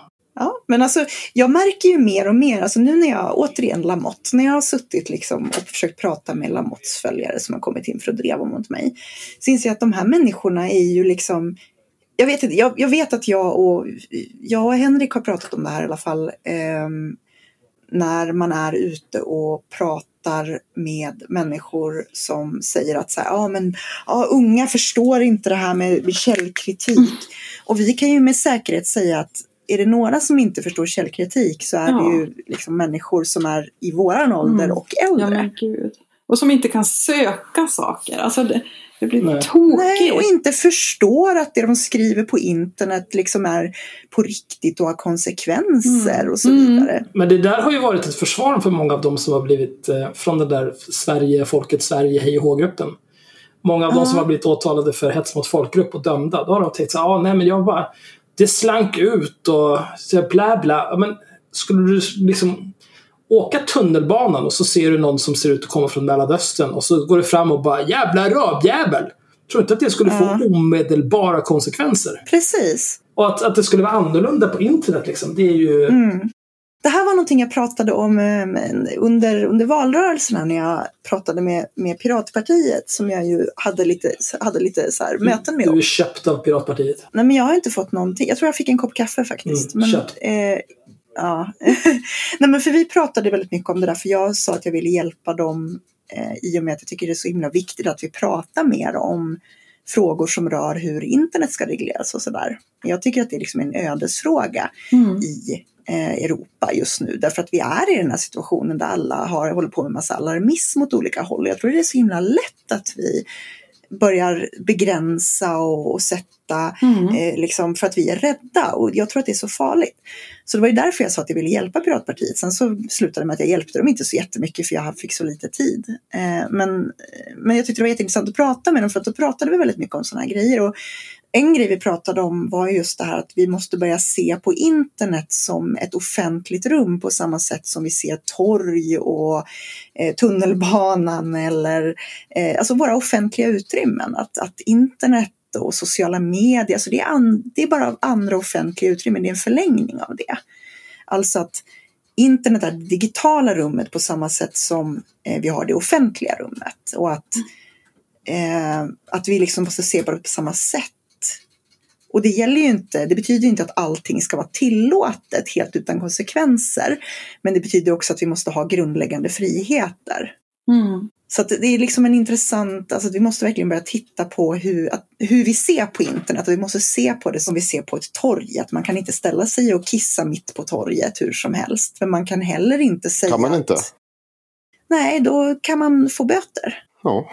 Eh, Så vissa behöver börja se på internet mer så och andra behöver börja se på internet mer som att det här är ett utrymme som alla har rättigheter till. Mm. Jag tyckte det var ett intressant sätt att titta på internet. Att, vi, att jag tror att barn och unga ser på internet mycket mer så att det är en förlängning av det offentliga rummet. Mm.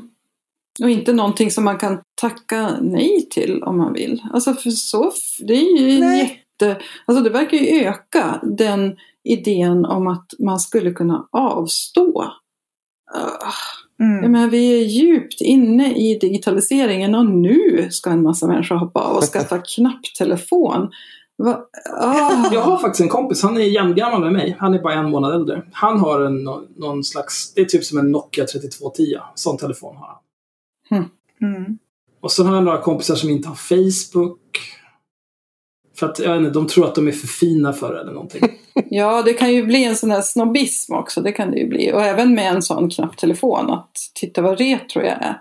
Som, Ja, det, så nej, kan så är det inte för de här. Nej. Utan de är bara jobbiga. Jag har haft några sådana där som har varit liksom så här. Åh gud, Facebook vet allt om mig. Nu ska jag liksom, nu ska jag ta bort min Facebook och sluta använda Google för att eh, alltså det blir någon sorts, så här, jag, alltså absolut, man kan ha synpunkter på liksom big data och det Facebook och Google samlar in om en och man kan tycka att det är obehagligt och så vidare. Jag tycker inte alls att det liksom är, är konspirationsteorier att säga att det är lite obehagligt att Google, liksom att min smartphone vet vad jag är varje sekund på dygnet. Alltså man kan absolut tycka att det är obehagligt Mm. och man behöver inte ha någonting att dölja för det.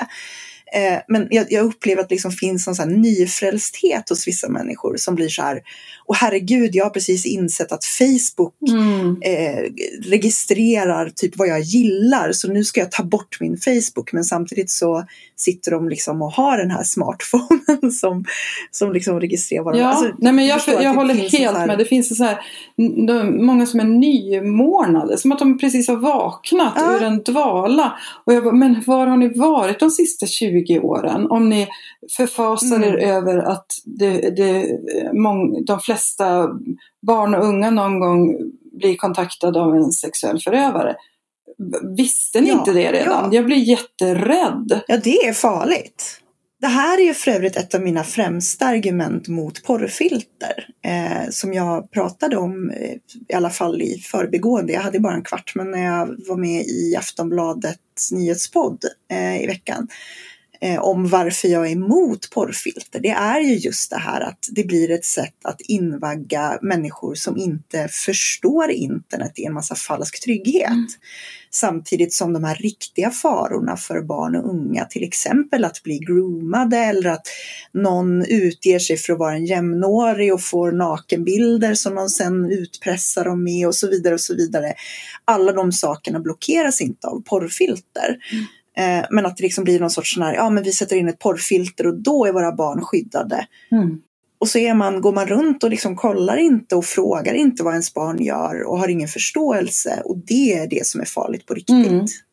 Och, det, och det är en sån här grej som, för jag menar jag gick ju in i debatten om porrfilter utifrån och så här, jag tycker inte om en massa liksom, porrmoralister. Jag gick ju inte in i den debatten utifrån att jag tyckte att så här, tänk på barnen. Mm. Men ju mer jag har tittat på den här debatten och vad de här filtren innebär så har det blivit en viktigare del i mitt engagemang. Mm. Eh, något som började med att jag egentligen tyckte att så här, men folk måste få snuska, liksom vara snuskiga om de vill, kom igen. Har liksom någonstans landat i att jag blir genuint upprörd över vilken otjänst man gör barn och unga. För jag hör så mycket om sådär, ja men folk som säger eh, barn, liksom sexologer som jobbar med, med barn som kommer och säger att men barn kommer till mig och säger kommer jag bli våldtäktsman nu för Ja. jag råkade se porr? Åh, Liksom. jag blir galen. Så ja, nu är jag ju förbannad på ett helt annat sätt Nu- än vad jag Mm. var. Hörni, nu är vi Eh. inne och, och tangerar det här och vi ska dit. Vi ska in på det där berömda jävla porrfilterdiskussionen. Ja, men förlåt att vi har ett, ett Oj. samtal som har en, ett naturligt Ja. flow, Henrik. Ja. Det är Förlåt. inte så vi jobbar. Nej, det är inte så vi jobbar. För jag har fortfarande en fråga kvar innan vi kliver in på hela den diskussionen. och det är, jag upplever det att bland de unga eh, så finns det mycket, mycket mer integritet i sociala medier. Alltså, om jag, för det är så här, många gånger när jag sitter och researchar grejer så stöter jag på unga personer. Och unga personer i olika mån har mycket, mycket mer låsta eh, Mm. Facebook-sidor och, och på ett helt annat sätt. Alltså att de har verkligen gått igenom och Ja. tagit bort att man kan inte se deras gemensamma vänner. Och då behöver inte folk tro att jag är ett creep. Utan ibland när man kollar på en person så behöver man, när man inte hittar nummer och sånt, så behöver man hitta andra anknytningar för att se om man kan liksom avgränsa det här till en person och en plats. För att då lista ut vem Mm. det är. Sven Svensson finns det ju några stycken i Sverige av till exempel. Och senast häromdagen satt jag och kollade på och se om jag kunde hitta på en person via anknytningar. Och det tycker jag stöter på det där lite titt som tätt. Att det är det unga personer. Nu vet jag inte, jag har svårt att få något begrepp. Men vi säger 25 och neråt. Så är de mycket, mycket mer slutna i sina sociala medier. Stämmer det eller är det felaktigt? Nej, men jag har samma uppfattning, men sen har jag har, har inte sett några mätningar på det. Men det de jag pratar med stämmer ju det där in på rätt så Ja. bra. Och många eh, pratar också om sina föräldrar och lärare som ja, lite så gränslösa och så att de inte riktigt Mm. förstår. Men det är precis det där att man inte ser på, alltså de förstår att om du sitter och lägger upp saker offentligt på Facebook så är det som att du står på ett torg och skriker om det. På ett sätt som inte eh, den äldre generationen förstår, Mm. Tänker jag. Mm. Att man liksom inte ser på det som ett offentligt rum utan man ser på det som lite så här, det här är min privata lilla dagbok som jag kan skriva vad jag vill utan konsekvenser. Och då, då kommer man tillbaka till det här med att se saker ur sin egen synvinkel. För många av de som klagar på sociala medier, de klagar egentligen på sina jämnåriga. Och så här, de lägger Mm. bara ut en massa bilder på mat och på sina fötter mot havet när de är på semester. Ja, men det är ju alltså dina kompisar som gör det då. Så att det, det är Precis. det de borde f- prata om istället. Inte klaga på att unga använder sociala medier så mycket att de blir deprimerade. Men det är den här Mm. projiceringen hela tiden. Det är dina Mm. kompisar som är tråkiga. Ja. Det är inte ungdomarnas fel. Nej, Ja. byt. Övergå till att ha unga människor som kompisar så blir det roligare. Förmodligen. Ja. Jag blir nyfiken på, hur slängdes du in i den här världen Elsa? Hur kom du in i liksom Mhm. hela det här? Vi har pratat om vad du gjort, men hur hamnade du här? Hur vart det här ett av Mm. dina special... Va- Varför har du börjat samla pärmar i din Volvo V70? Alltså man kan ju inte kalla det det. Hon, hon är ju forskare Henrik. Du kan ju inte jämställa våra oförrätter med någon som har forskat i 20 år. Det tycker jag. Det finns inga större rättshaverister än Ja. forskare. Och jag hatar pärmar. Jag slänger pärmar. Ja, okej. Så att det Ja. kan ni inte anklaga mig för. Nej. Jag ser mest att Henrik har storhetsvansinne när han jämför våra haverier mot Det bry. gjorde jag visserligen inte. Jag var mer Mm. hånfull mot forskaren. Någon måste ju ta på sig ansvar och vara stöddig också. Ja, det är lugnt. Det är lugnt. Hur kom du in på det? Nej men, eh, ja, alltså för mig så handlar hela grejen egentligen om alltså, utanförskap och att, att jag vill ja, men peka på utanförskap och jag vill minska, bidra till att minska klyftorna. eh, så väldigt övergripande och flummigt. Eh, för jag, jag, jag ser de här sjuka strukturerna i samhället i allt i princip. Och det har jag gjort som när jag jobbar som lärare. Men jag hittar inget sätt att kanalisera det förrän jag började titta på det här med ungas nätanvändning och, och såg ännu mer och det blev så här tydligt och jag, jag använde kanske det mer som case. Men, men, men var det bara en dag? Liksom, du kom på att nu, nu ska jag kolla på det här. Eller liksom, hur, kom du, Nej. hur, hur funkade det? Ja, ja nej, men det vet det, man blir väl saker och ting ef- allt eftersom. Eh, antar jag. Ja, Eller hur? ja, Man är ja, ju ja, ja. någon typ av person, personlighet och man har sina erfarenheter och så som leder fram till ett sätt att tänka. Nej, nej Och, inte den eh, delen. Utan nej. själva det praktiska. Hur övergick du från att vara lärare till liksom att Ja, en dag satt du och samlade det- pärmar i V70? Det var liksom det jag tänkte Mm. på. Mm, Okej. Nej men då, eh, jag jobbade som lärare och eh, var, blev IT-pedagog. Jag, var, jag hade, har aldrig haft en fast lärartjänst utan jag var vikarie i tio års tid på en massa skolor. Och eh, hela tiden så blev det så IT-ansvar och det berodde egentligen på att jag inte var ett dugg rädd för, för det här med datorer och tyckte att ja, men det kan jag väl vara. Och där såg jag de här maktfrågorna direkt när vi, vi satte upp eh, skyltar i datasalen. Eh, där vad som var tillåtet och förbjudet. Och elfte Mm. budet var alltid så här. Om, om det inte är uttryckligen tillåtet så är det förbjudet. Så och, Skön ja, inställning. Ja, Ja. men verkligen. Och då, då började, jag har tänkt jättemycket på det där med maktfrågor. Och så, och så blev jag eh, skändligen sådär utnyttjad som många vikarier blir. Jag fick eh, gå när sommarlovet började och så sa de så här, men kom tillbaka i augusti, här har du ditt schema i augusti. Och då sa jag, men eh, va? Ska jag inte få semester då? Ska inte jag få betalt under sommaren om ni ändå vet att jag ska komma tillbaka i augusti? Och jag skulle till och med bli någon sån här ledare för något område och så här. Då sa jag, men dra åt helvete, sa jag. Nu, jag. Även om ni ringer mig så kommer jag inte att svara och det gjorde jag inte heller. Så att då blev jag arbetslös och eh, snubblade på en person som var prefekt på där jag jobbar nu. Som sa, men gud, kom till oss. Och hade jag inte, hade jag inte blivit så dåligt behandlad på den där skolan så hade jag ju varit kvar där. Så det var ju så här ren slump. Jag hade aldrig tänkt bli forskare, absolut aldrig. Eh, men då var det faktiskt en, våran professor som är död nu, Daniel Kallos. Eh, han sa så här, han lurade mig lite grann. Han sa att det här kommer, han, någonting med de ekonomiska villkoren så lyckades han få mig att tro att jag skulle kunna bibehålla liksom, eh, ja, ungefär som Mm. lönen. Och, eh, och då tackade jag till en doktorandtjänst. Och det är ju det bästa jag gjort. Jag älskar ju honom för det. För att han lurar mig. Mm. Mm. Mm.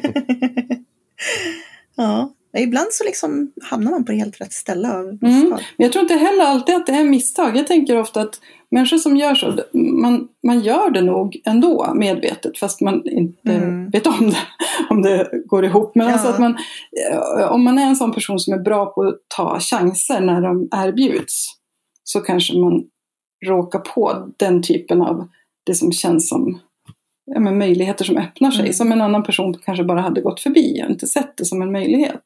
Så jag vill inte heller Mm. riktigt säga att det bara är slumpen. Jag vill ju ta åt mig lite av äran av slumpen också. Förstås. Ja, ja, om inte, alltså, även om du inte kunde ta, ta äran för det så kan du ju definitivt ta äran för eh, det arbete du har gjort. Ja, ja men så, och dessutom så får man tänka på att jag är kvinna i akademin.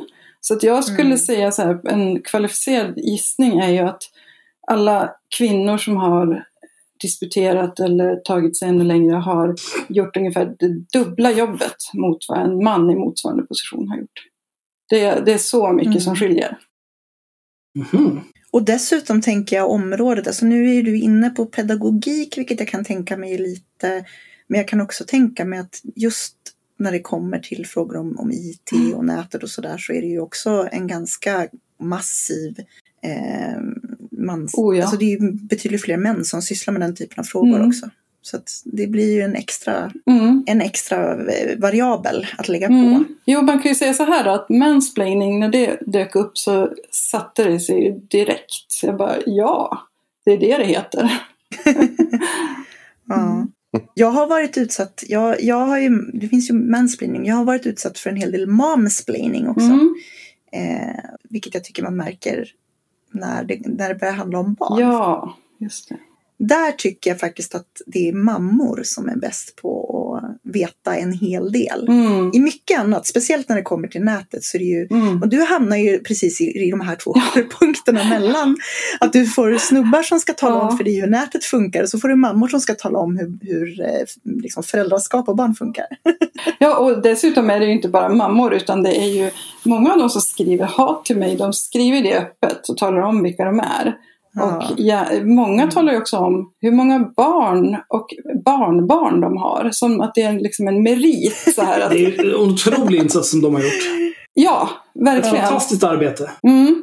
Och, och, så, och sen så här, det märks att du inte har egna barn är ofta ett vanligt argument. Men vad fan skulle det spela för roll? Exakt, vad skulle det spela för roll?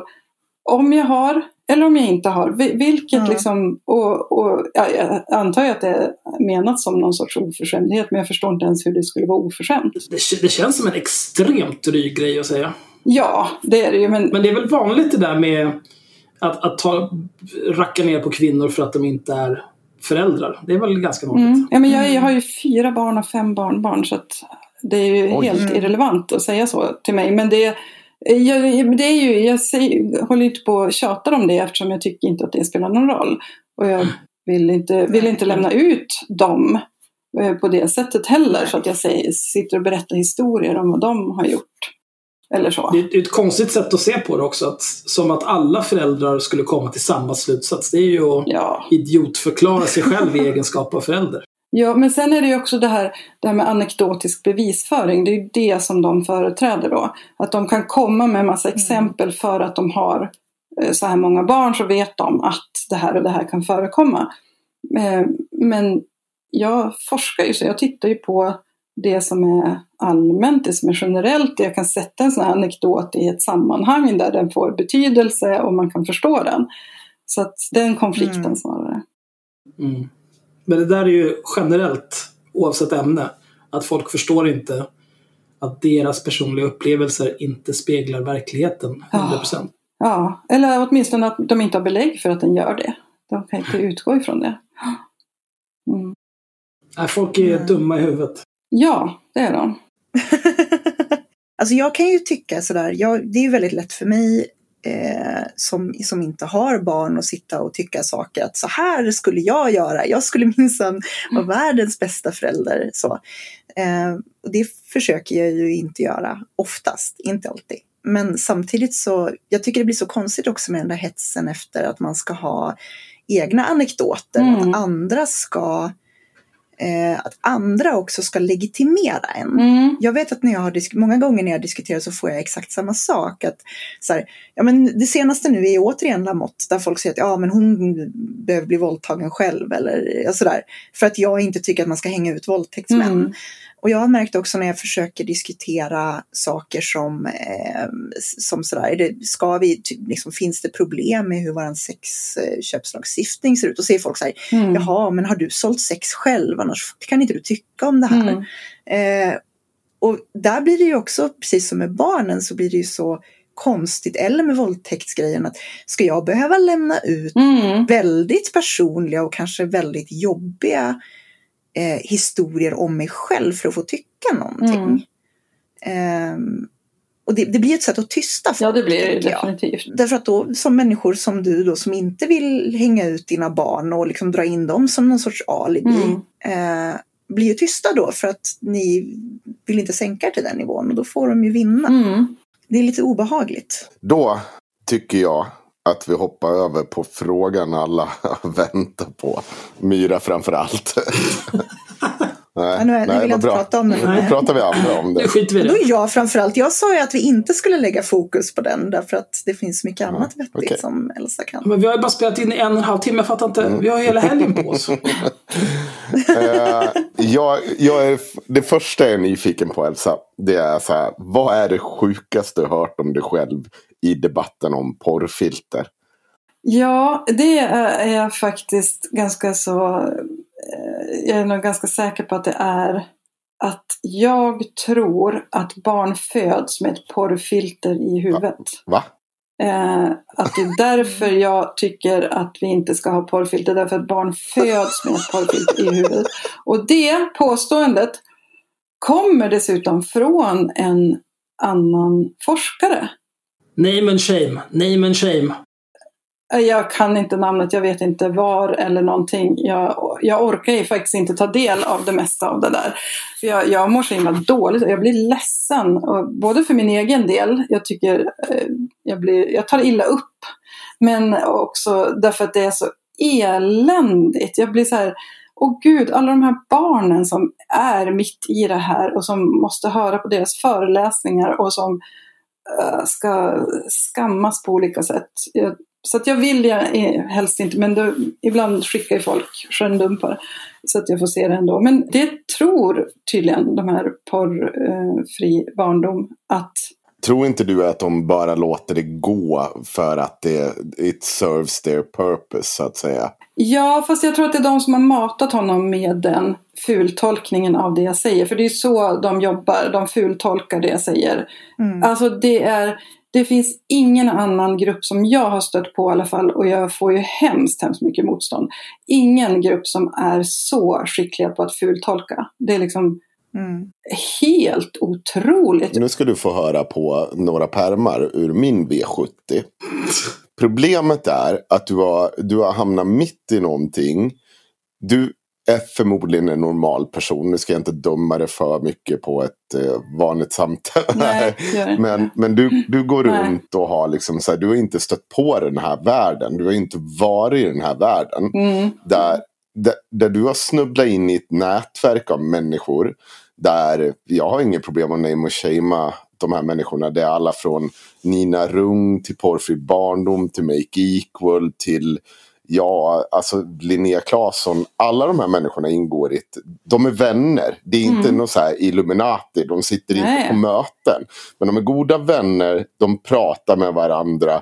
När någon attackeras eller känner sig attackerad. Då hakar gärna alla på. Mm. Och då börjar den här ryktespridningen. Och du är inte van med. Du har aldrig stött på det. Nej, verkligen Vi är inte. fler stycken som har varit utsatta under det av flera år fått märkt att det här är den typen av ohelig retorik Mm. man liksom för. Mm. Och, och det, är liksom, det, det finns inga gränser. Och samtidigt som man gör det så har man ju förhållandevis god ton utåt. Mm. Så att det är ju lätt för dem att sitta och bara säga så, nej men vi skyddar bara barnen. Eller Mm. som när Myra sitter i Aftonbladets podcast och så säger de så här.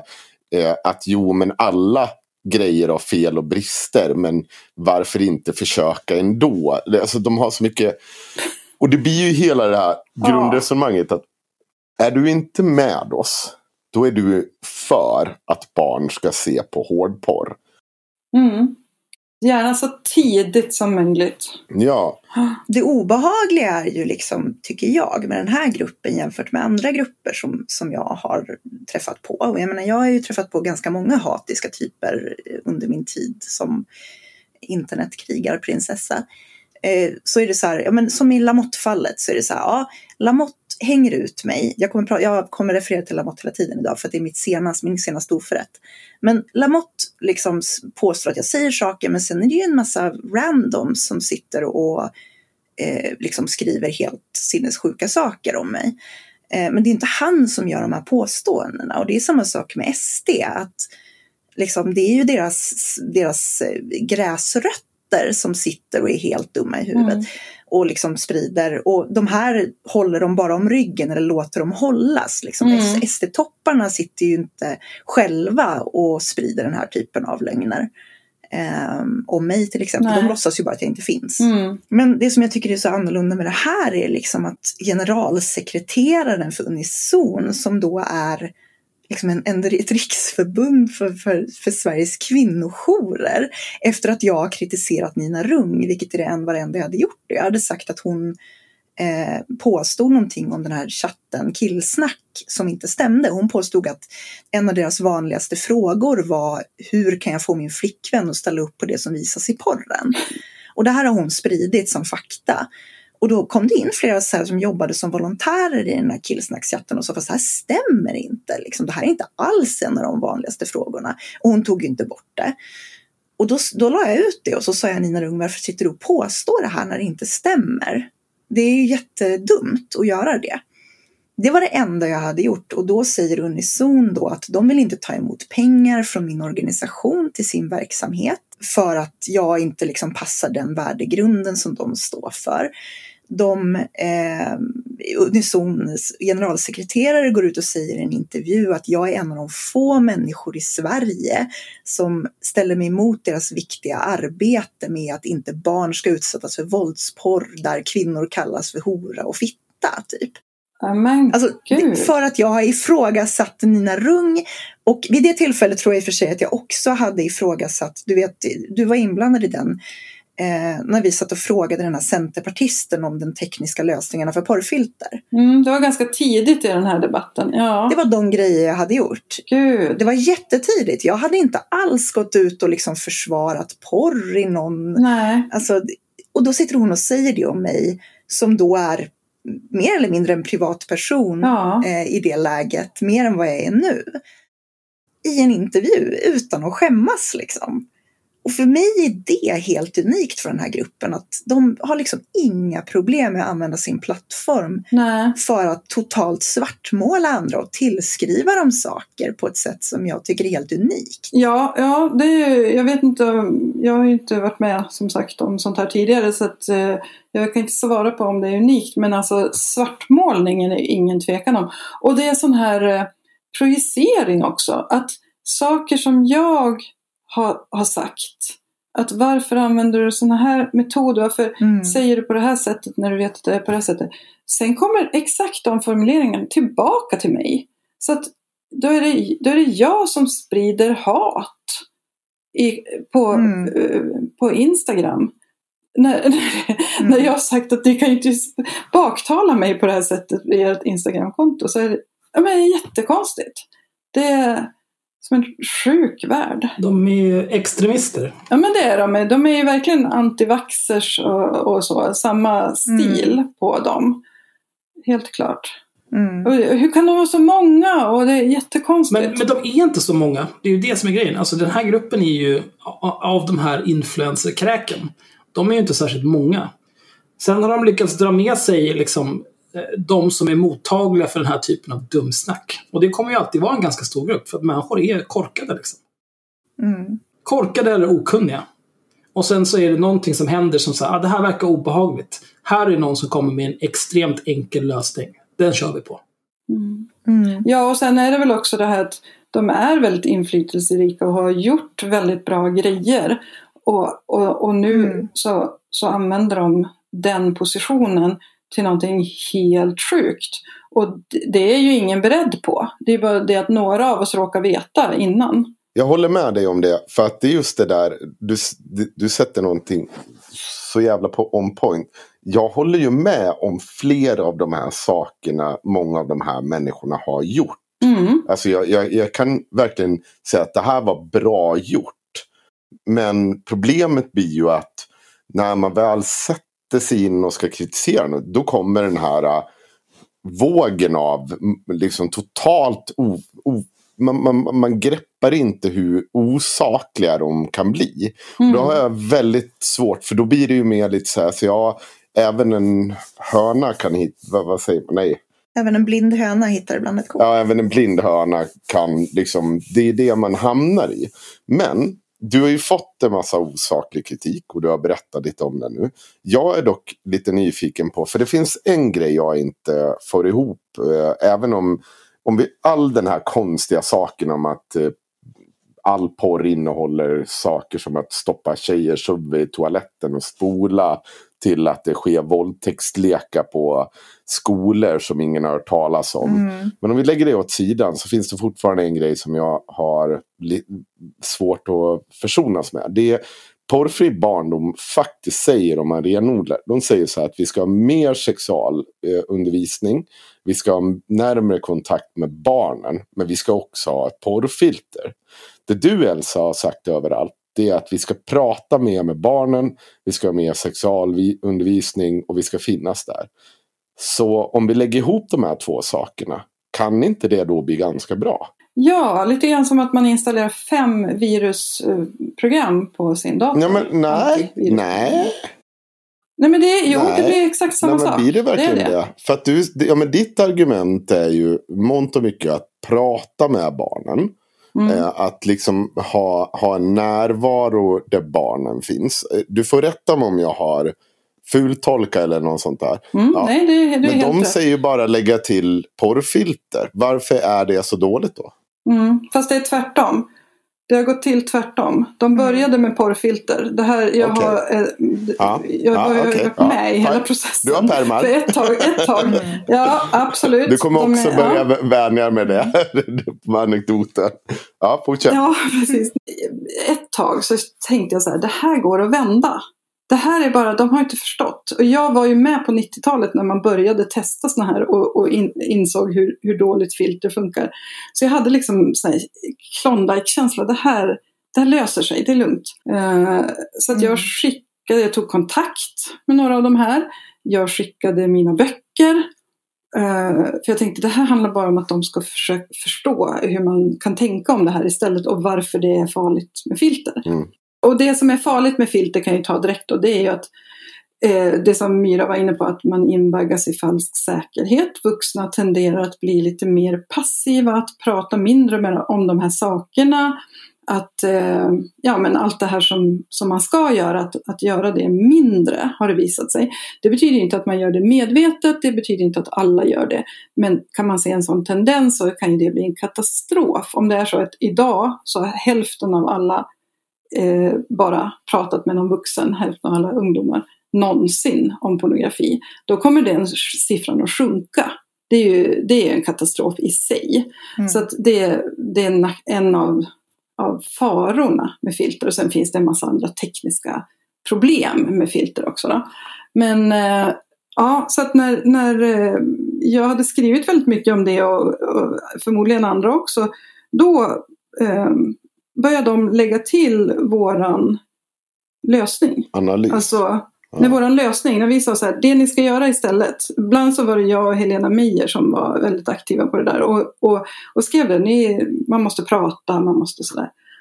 Och då la de till det i sin, eh, sin lösning. Mm. Så att det, det är inte så att de bara adderar porrfilter på det här. Jag tänkte flika in bara, sen så är det ju också, alltså det är inte så att, att automatiskt så här, vi måste prata mer med, med barn om porr nödvändigtvis är någonting positivt. Det beror ju helt på Mm, hur de tycker att vi ska prata med barn om porr. verkligen. Alltså de, de, de pratar ju väldigt gärna om vikten att ah, det är så viktigt att skolor förstår det här. Men det de vill att man ska prata med barn om porr, det, det de vill att man ska prata med barn om när det gäller porr, det är ju hur farligt det är och hur mycket folk far illa av det. Och det, det är de diskussionerna de tycker är viktiga att prata med Mm. barn om. Och det är inte vad vi behöver. Nej, absolut inte. Så att jag, jag inte alls, tycker inte alls att det är samma lösning som Elsa är inne på. Varför behöver vi inte det? Varför man inte behöver skrämmas för pornografi? Mm. Ehm, Ja, nej men det handlar ju om till exempel att vad gör vi då med de barn som har råkat se eller som tycker att det är spännande att se, som har tyckt det en gång och, och, och, och sen får total ångest därför att tänk om de är porrberoende och så måste de höra av sig till ungdomsmottagningen och fråga kan man testa om man har blivit porrberoende. Alltså, det är så sjukt alltihopa. Och det handlar om att vi skrämmer upp barn för någonting. Så du menar att vi är på tillbaka på det här vi inledningsvis diskuterade om subkulturer och, och allt det här. Att när vuxenvärlden skammar, alltså de som är i normen på något sätt Mm. skammar de som står utanför. Är det det du... Ja, fast det här är inte heller riktigt subkultur och norm. Eh, utan det här handlar ju bara om att eh, det här är ju ren moralpanik. Det här handlar inte om någon, att man är rädd för någonting tekniskt eller någonting, någon ny uppfinning. Utan det här handlar ju bara om att bevara vissa eh, värden i samhället. Där, som som i, i grunden går ut på att förtrycka eh, kvinnor. Och kvinnors sexualitet har ju varit ett bra eh, Precis. och, och, och det, det är därför jag har så svårt att få ihop det här med en feministisk analys av världen. Att, att Fi är för porrfilter, det förstår jag bara inte. Och att Fatta är för porrfilter, jag förstår det inte. Hur får de ihop det? Ja, men det är inte så svårt. I den meningen, det är ju eh, Fatta som har ja, alltså den här porrnegativa, eller porrne, så, så, det var Ida Östensson som var på en resa eh, till USA. Jag tror hon var i FN till och med. Så här, The Gail Dines pratade. Och det, hon är du bekant med. Eller? Ja, eller jag har förstått Ja. Mm. Hon är ju en av dem som driver på det här. Men när Ja. hon kom tillbaka därifrån så skrev hon ju väldigt mycket om så att vi måste bli porrkritiska. Och det är ju liksom det de har drivit på sedan den dagen. Jag kommer ihåg att jag tror att det var den dagen jag blev blockad. Om man skulle hoppa tillbaka i vårt lyssnare, alltså i våra avsnitt så tror jag att jag tar upp det någon gång. Att jag ställer en fråga om det till henne och blir blockerad direkt Mm. på grund av det. Men hon var liksom, kom hem och var bara liksom som frikyrklig. Att nu, nu, nu ska vi inte hålla på med det här. Jo, fast det här är ju inte bara någonting, alltså den här, samma grej, samma rörelse pågår ju i alla andra länder samtidigt. Det här är ju en global Mm. grej. Jo, Försöker du googla fram studier på porr, vilket jag gör ganska ofta i och med att jag liksom sitter och skriver om det, så, så försöker jag ju hitta alla studier som finns och titta på vad de faktiskt säger. Och hela liksom två första sidorna är bara sådana här propagandasidor, fight the new drug och liknande där man liksom skriver om hur farligt allting är med porr och där man vinklar forskning på ett sätt som är, får det att Alltså man, man, man cherrypickar Mm. liksom i forskning för att kunna prata om hur farligt allting är.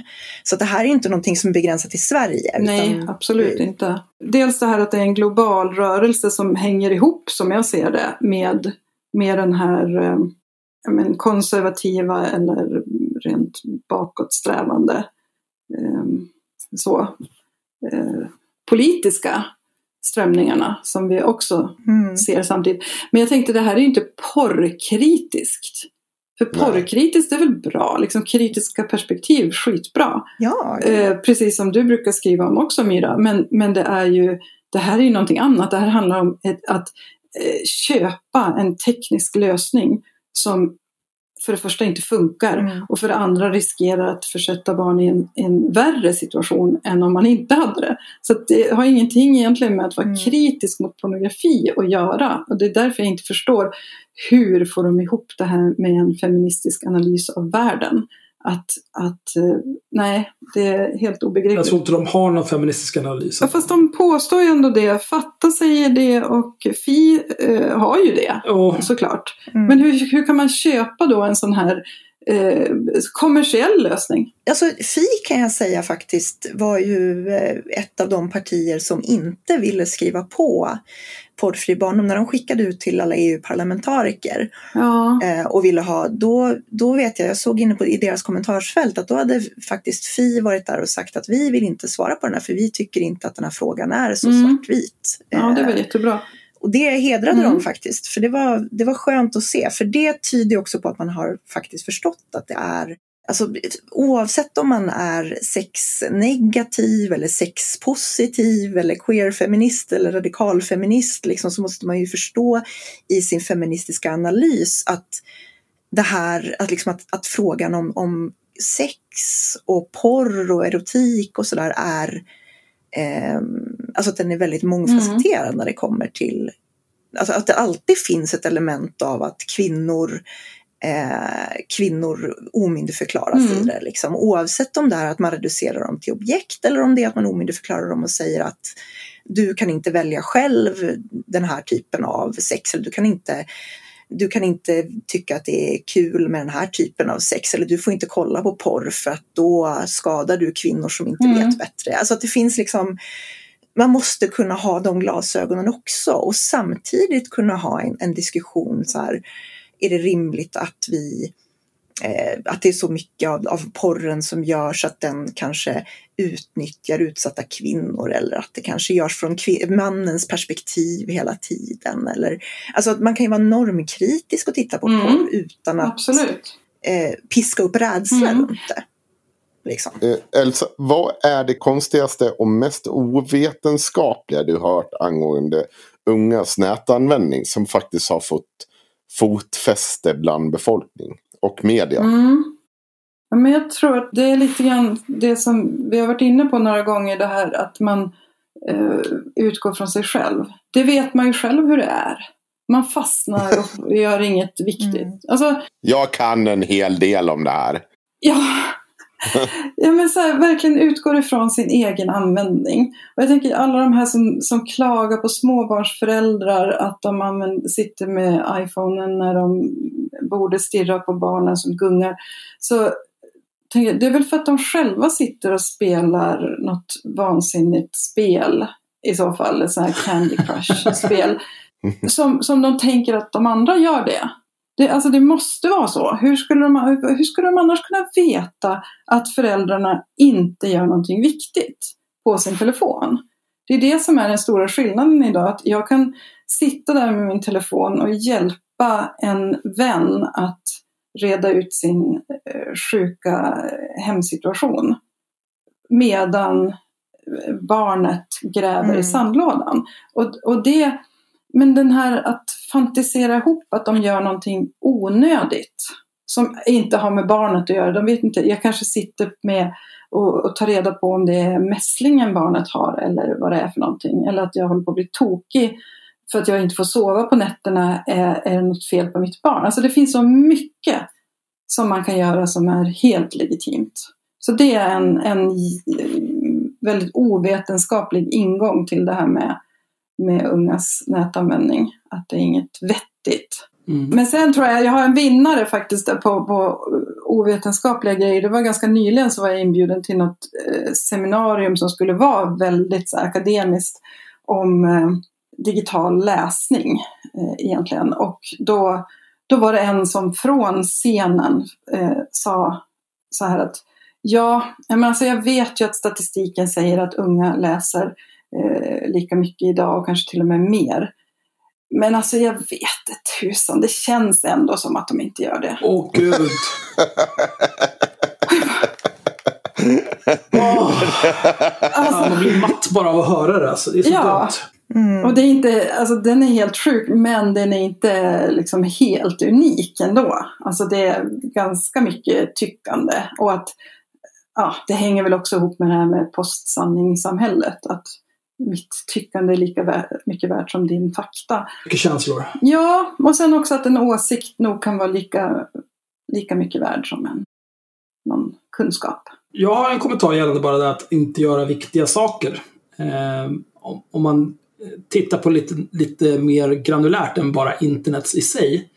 Till exempel Facebook och Twitter. jag har haft eh, eh, kollegor som har haft, haft lite åsikter om att jag alltid har Facebook och Twitter uppe när jag jobbar. Mm. Eh, och men, men det är också så här, det, det är inte bara jag följer, eh, eller så här, jag likar kattbilder eller jag följer olika typer av idioter för att kunna be dem hålla käften. Utan det går ju att använda till helt vettiga saker också, trots Mm. att det är helt värdelösa plattformar. Mm. Jag är till exempel med i diverse grupper på Facebook som handlar om data. Där folk skriver en massa saker som har med min yrkesroll att göra, som är bra att veta. Massa information. På Twitter så följer jag en massa folk som är också data, data, data. Och skriver skitbra grejer som är tusen gånger smartare än vad jag är. Så man liksom lär sig saker. Men jag tror att, Mm. ja, precis som du var inne på tidigare, att folk har en, en egen erfarenhet av internet och sen ännu längre ner diverse plattformar. Och så Mm. applicerar de den på vad alla andra gör. Alltså projicering. Ja, exakt. De följer Barack Obama och påven och en komiker. Mm. Och då förstår ju inte de att man kan eh, ha det uppe på jobbet. Är det så. På något sätt så går ju det där ihop med något väldigt normativt sätt att se på hur andra människors hjärna fungerar och hur man jobbar. Mm. Och det här är väl i och för sig någonting bra, men i och med att vi har, vi har inte den här typen av jobb där du liksom sitter vid en fabrik och trycker på en knapp hela dagen. Eh, eller den typen av, alltså vi, arbetslivet ser helt annorlunda ut. På ett sätt där vi å ena sidan förväntas vara tillgängliga hela tiden och, och våra, liksom, våra kollegor blir kontaktade för jobb på Facebook fast det är våran Liksom fast det är en social plattform till exempel. Alltså det finns en, en sammanblandning där. Eh, som också gör, tror jag, att, att de flyter in, jobb och fritid flyter in i varandra på ett sätt i och med internet som de inte gjorde förut när du hade en fast arbetsplats du gick till och sen gick du hem. Och så var du inte på jobbet, nu är du typ på jobbet jämt. Och dels så leder ju det kanske till stress i många fall, att du känner att du inte kan avgränsa för människor som behöver göra det. Men det är också det där att jag är ju liksom som, som Elsa, som du var inne på i början, liksom det här att man känner att man jobbar egentligen hela tiden Mm. på ett sätt. För att man, eh, även när jag är ledig så sitter jag och så hittar jag någonting, bara, gud det här borde jag göra någonting med eller vad det nu kan vara. Så att, att jag sitter, även om jag sitter och tittar på kattbilder samtidigt som jag jobbar, så kommer jag ju sitta och jobba sen på kvällen när jag är ledig och ska titta på kattbilder. Att det är så jag jobbar bäst. Mm. Och att man inte tänker på att internet möjliggör ju det där. Mm. Människor som har en sån här dampig hjärna som jag har som hoppar mellan tusen olika saker. Eh, vi mår ganska bra av, och ibland dåligt av, att ha alla de här intrycken. Men vi kan också förhålla oss till dem på ett annat sätt. Mm. Och det gäller ju även barn. För där har, eh, finns det också det här normtänkandet att Mm. man ska inte behöva ha en platta framför sig när man äter. Alla måste lära sig att äta ändå. Ja. Men det finns barn som faktiskt inte äter då. Nej. Alltså där det finns, det, det är liksom en, en lösning helt enkelt på ett problem. Och det behöver inte vara särskilt extremt utan det kan bara vara att de får lite extra hjälp med någonting som de annars inte skulle ha fått hjälp med, som hade kunnat skapa ett utanförskap. Ja. Så det, ja, det är bara så, det sticker i ögonen på folk som aldrig har upplevt utanförskap på något sätt. Ja, och så utgår de från sig själva igen. Jag kan ju relatera väldigt mycket till det där i och med att jag har varit, alltid varit sådär själv. Jag vill alltid läsa eh, vid matbordet. För att annars kunde inte jag sitta still. Mm. Så att eh, jag, samma sak på möten så vet jag att jag hade jättesvårt, jag hade skitsvårt att sitta still på ett möte och inte göra någonting.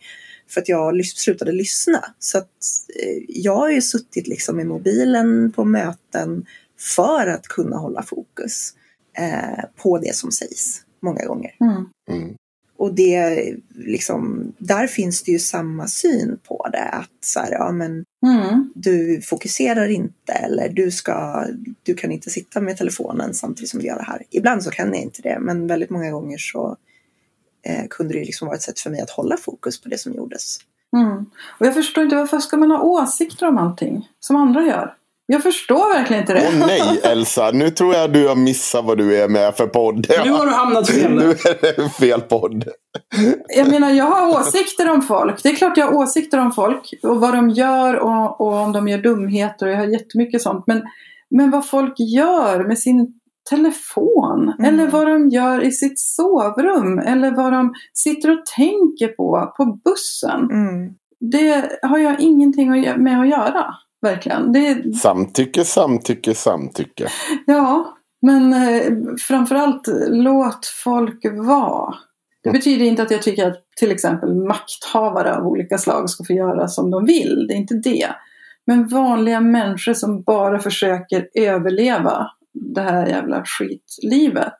Var, varför ska man tycka något om Får det? jag ställa en diagnos på dig, Elsa? Oj. Oj. Jag tar avstånd. Mm, det vore dags.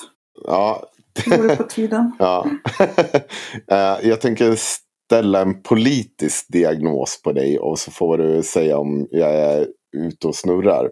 Mm. För jag tror så här att du är extrem fri, alltså du är en extrem frihetlig människa i det vill säga att ja men om du vill knulla på det här sättet eller om du vill tycka på det här sättet, om du vill göra på det här sättet, gör det by all fucking means. Men han har ju Men- sagt typ uttalat det. Jag vet inte om det är så mycket av en analys.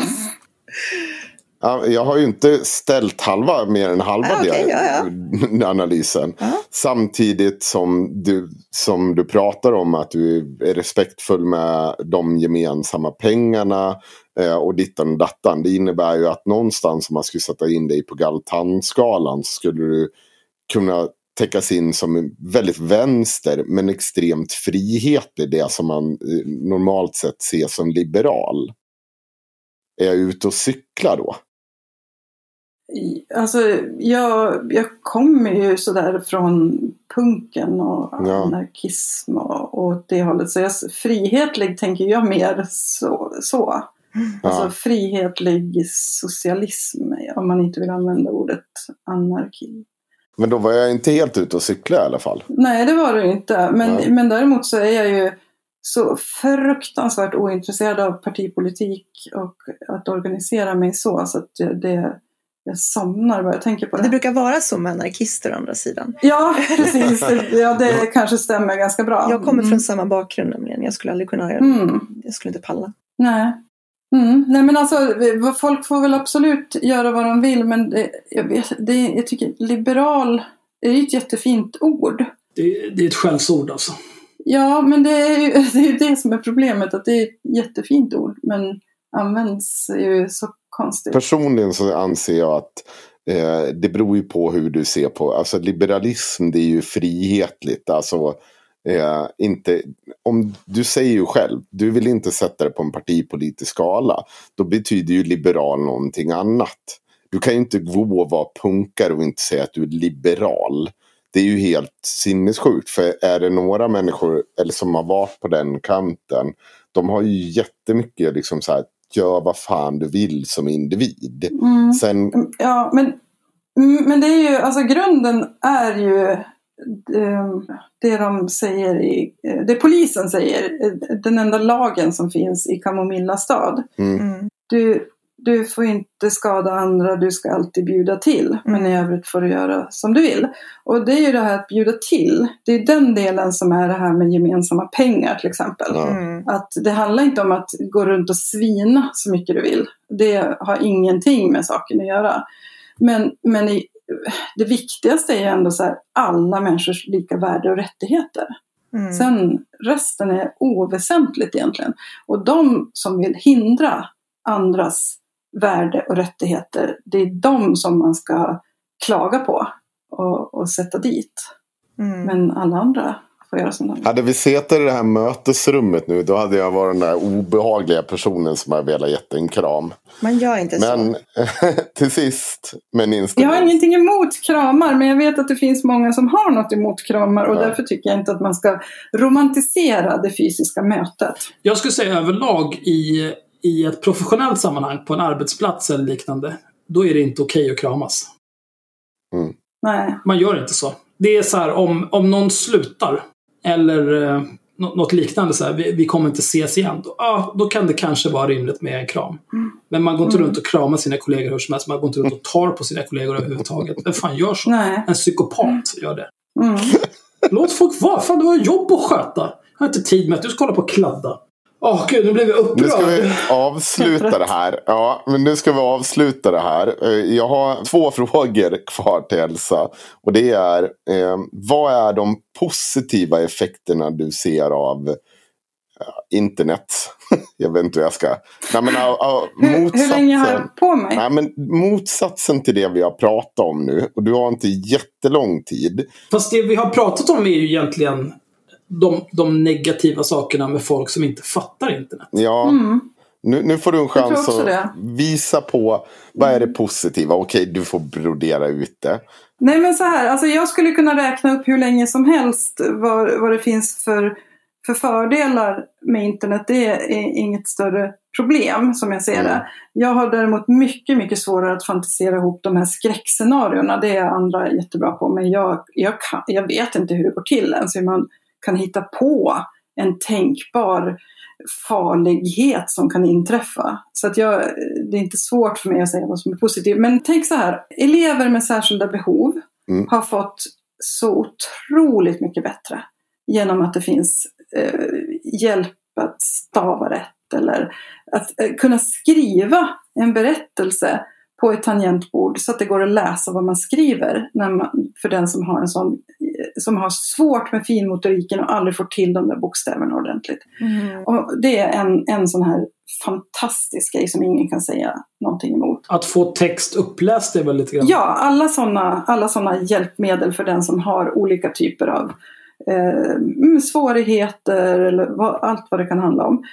Eh, och, och sen om vi tänker människor som eh, befinner sig utanför normen på alla möjliga sätt. Till exempel när det gäller funktionalitet som inte kanske vill titta folk i ögonen som Mm. känner obehag av det. Som ändå kan skaffa sig, kanske för första gången i sitt liv, ett umgänge. Eh, eller barn som, där skolan inte klarar av dem eh, och de orkar inte gå dit. Kan ändå känna att i det här som jag ägnar mig åt nu, det här spelet till exempel. Där får jag vara en viktig person som når framgångar och som folk liksom säger bravo, bravo, bra gjort. Istället för att bara känna sig som ett misslyckande från morgon till kväll.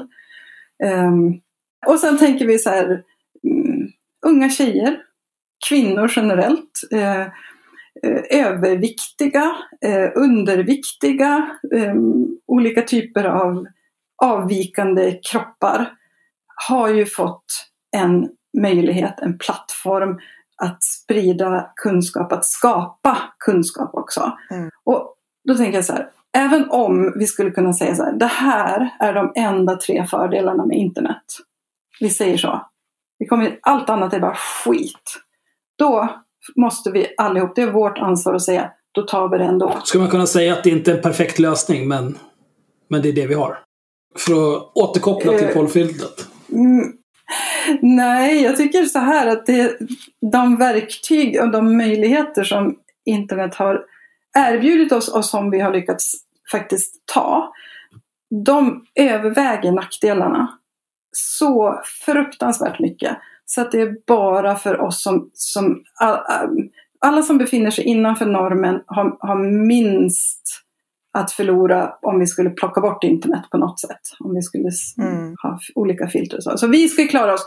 Jag skulle tycka det var jättetråkigt men jag skulle kunna fortsätta. Jag har en plattform, jag har ett språk, jag har sådär.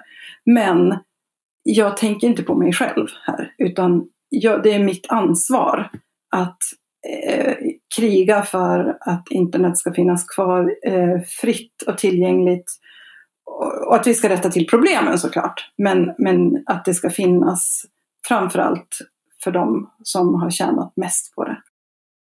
Mm. Mhm. Rimligt. Det jag tänkte på när jag, när jag försökte bryta in där. Det var ju för Mm. några månader sedan kanske så var det en artikel om en norsk kille som hade olika typer av handikapp Mm. och bara satt hemma och spelade World of Warcraft. Och hans föräldrar Mm. tänkte, ja fy fan, ska det vara så här? Och sen avled han och så visade det sig att han hade ju liksom vänner från hela Europa som kom på hans begravning och hade massor med anekdoter att berätta om. Och Mm. Den här artikeln är så himla fin. Jag tycker vi ska länka den. Ja, men den är också så himla hemsk. Mm. Ja. Ja, eftersom hans föräldrar aldrig engagerade sig i det där så förstod de ju aldrig Nej. att han hade Nej, ganska dels bra... det. Får jag men- säga en sak då om det? För, jag tror, Mm. nu tänker jag försöka tangera vad du ska säga. För de föräldrarna satt med i mor- Peter Morgonpasset. Mansplaining. Nej, jag, inte mansplaining utan jag, vi ska se om jag är rätt ute nu. Eh, och det, då litar jag mig på experterna att rätta mig om jag har fel. Men jag lyssnade på det Peter Morgonpasset när de var med. Och hela historien bygger ju på att han är någon slags jävla invalid person som inte liksom har några vänner. Och det är ju sett ur föräldrarnas perspektiv. Ur hans perspektiv var det ju förmodligen aldrig så. Nej, han hade ju vänner. Det är verkligen, ja men du, du tittar på det här vecklot. Som bara satt i sin källare och inte betydde något för någon. Fast det gjorde han ju uppenbarligen. Han hade ju gott om vänner. Det, var ju, det är ju en artikel ur föräldrarnas ögon. Där de tittar på honom och säger så bara, vi engagerar Fast oss inte där. det beror på vilken artikel du läser. Det finns många artiklar om det där. Det är många som har gjort Ja. rewrites på den. Jag ska skicka en av originalartiklarna till dig som är bra på riktigt. För de är inte alls, alltså de utgår ju från att berätta den här personens historia. Alltså det, det är inte alls fokus på att föräldrarna får något utrymme utan det handlar ju om liksom att, att hans vänner får berätta hans historia.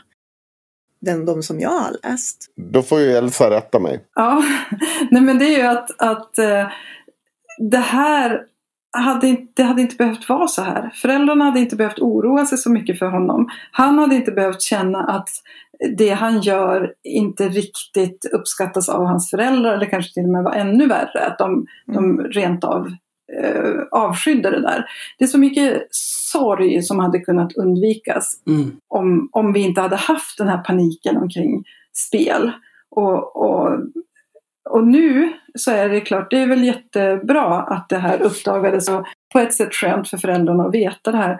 Men de måste ju, eller skulle kunna bära på en stor skuld och, över vad, hur de behandlade allt det här när han faktiskt levde. Så jag tycker det, det finns en sån sorglighet i historien. Det är det Även om absolut. den är fin.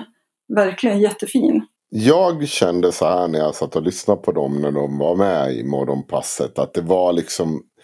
Och det är klart att jag, jag har läst från svensk media och, och, och när det här sker, när han är, pappan är i Sverige och berättar om det här. Jag, jag har inte läst artiklarna före så det, det får ju bli en brasklapp att det, det kan ju ha varit bättre skrivet innan. Men när det kommer ut inför alla de hundratusentals människor som sitter och lyssnar där. Då är det en berättelse om en pappa som, han, han lyfter visserligen den här världen, det gör han och han, han säger att det här liksom är inte så dåligt. Men det är väldigt mycket ur, liksom där man bara funderade i efterhand om varför frågade inte du vad, vad han gjorde där då, där och då? Han, han var ju liksom, vi, vi pratade inte om att det var för tio år sedan, utan vi pratar om, det var en ungdom som växte upp i er närhet. Och liksom, det var aldrig, en han hade ju för fan flickvän och allt som ni inte visste om. Jag tror att det där handlade om att eh, föräldrarna kände att om han är nöjd med det han gör, då räcker det. Och om vi lär oss mer om det här, då kanske vi kommer bli besvikna eller upptäcka att det är någonting vi inte gillar. Att det var därför de inte engagerade sig eller frågade om Jag Ja, spekulerar bara. det, det, ja, precis. Vi, det är onödigt kanske att vi spekulerar i hur det var för dem. Men det är en sak som jag eh, ofta stöter på. Mm. Det är ju eh, föräldrar som de har någon sorts idé om att det här att barnet mår bra. Men det finns en, eh, i samhället finns det en uppfattning om att det här inte är bra. Och att, att många, många föräldrar försöker uppfylla den här bilden av en god förälder som sätter gränser när det gäller skärmtid, som har en massa, eh, ja, men de har inloggningsuppgifterna till sina barns sociala mediekonton och, och sånt. Så det, det är ganska svårt att vara den som bryter mot något sånt där. Där man kanske upp, uppfattas som, man kanske uppfattar sig själv som en jävla hippie, låt gå förälder som, eller kanske rent av skiter i sina barn. Så att det, det tror jag är en väldigt viktig aspekt här för jag träffar så många föräldrar som berättar att så här trodde jag att det var. Men nu när jag har hört eller läst din bok eller någonting så, så vågar jag stå på mig här. Att jag, jag vet ju att mitt barn mår bra av det här. Mm. Eh, Men någon måste ge tillåtelse till det ibland. Apropå uh, ha inloggningsuppgifter till vad barnen gör och så vidare. Vad tycker du om det? Alltså om man ser till, vi har ju pratat om att man ska prata med, vad barnen, prata med barnen om vad de gör på internet och försöka vara delaktig Mm. och så vidare. Men tycker du att det är... Men delaktig är en sak, men kontrollerande det är ju direkt kontraproduktivt. Därför att det vi vet om säkerhet på nätet det är ju att det tryggaste är att barnen har någon att prata med, nå- våga vända sig till någon vuxen om det händer någonting eller om de har en fråga eller så. Eh, Det är en av trygghetsfaktorerna. En annan trygghetsfaktor är att de är eh, vana internetanvändare på olika sätt. Så de två sakerna kan man ju liksom påverka som vuxen omkring ett barn. Och om man då antar någon sorts polisroll så den går ju inte att kombinera tyvärr med den här förtroendefulla relationen som Nej. man vill ha. Det är svårt. det, det funkar inte. Man kan ju ha inloggning, inloggningsuppgifterna om barnen säger så här, jag kommer tappa mitt lösenord, kan du ha den här lappen?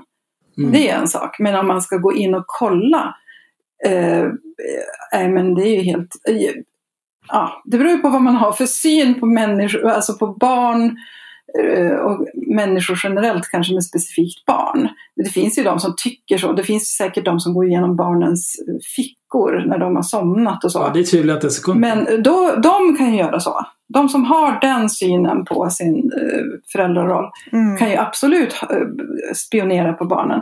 Men alla som inte skulle drömma om att spionera på barnen ska ju naturligtvis inte göra det på internet heller. Du tänker att i alla åldrar så är det...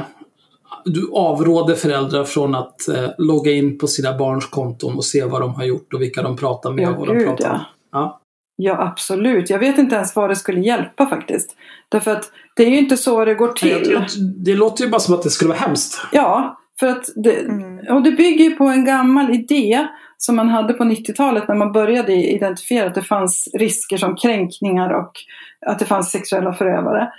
Då trodde man äh, att det gick till på ett visst sätt och då satte man upp sådana här regler om att ja, föräldrarna skulle övervaka och, och mm, man skulle alltid kräva att få vara vän med sitt barn om de skulle få ett sociala Nej, fy fan vad hemskt. Mm. Och då, det enda som händer det är att man driver ner den, eh, de, som, de som eventuellt gör saker som de inte vill att föräldrarna ska få veta. De kommer ju skaffa ett extra konto. Mm, Mm. Vilket försätter dem i en väldigt mycket farligare situation än om de hade vågat liksom säga att du, nu, nu har det skitit sig ordentligt. Jag skickade en bh-bild till en snubbe och nu håller han på att utpressa mig. Mm.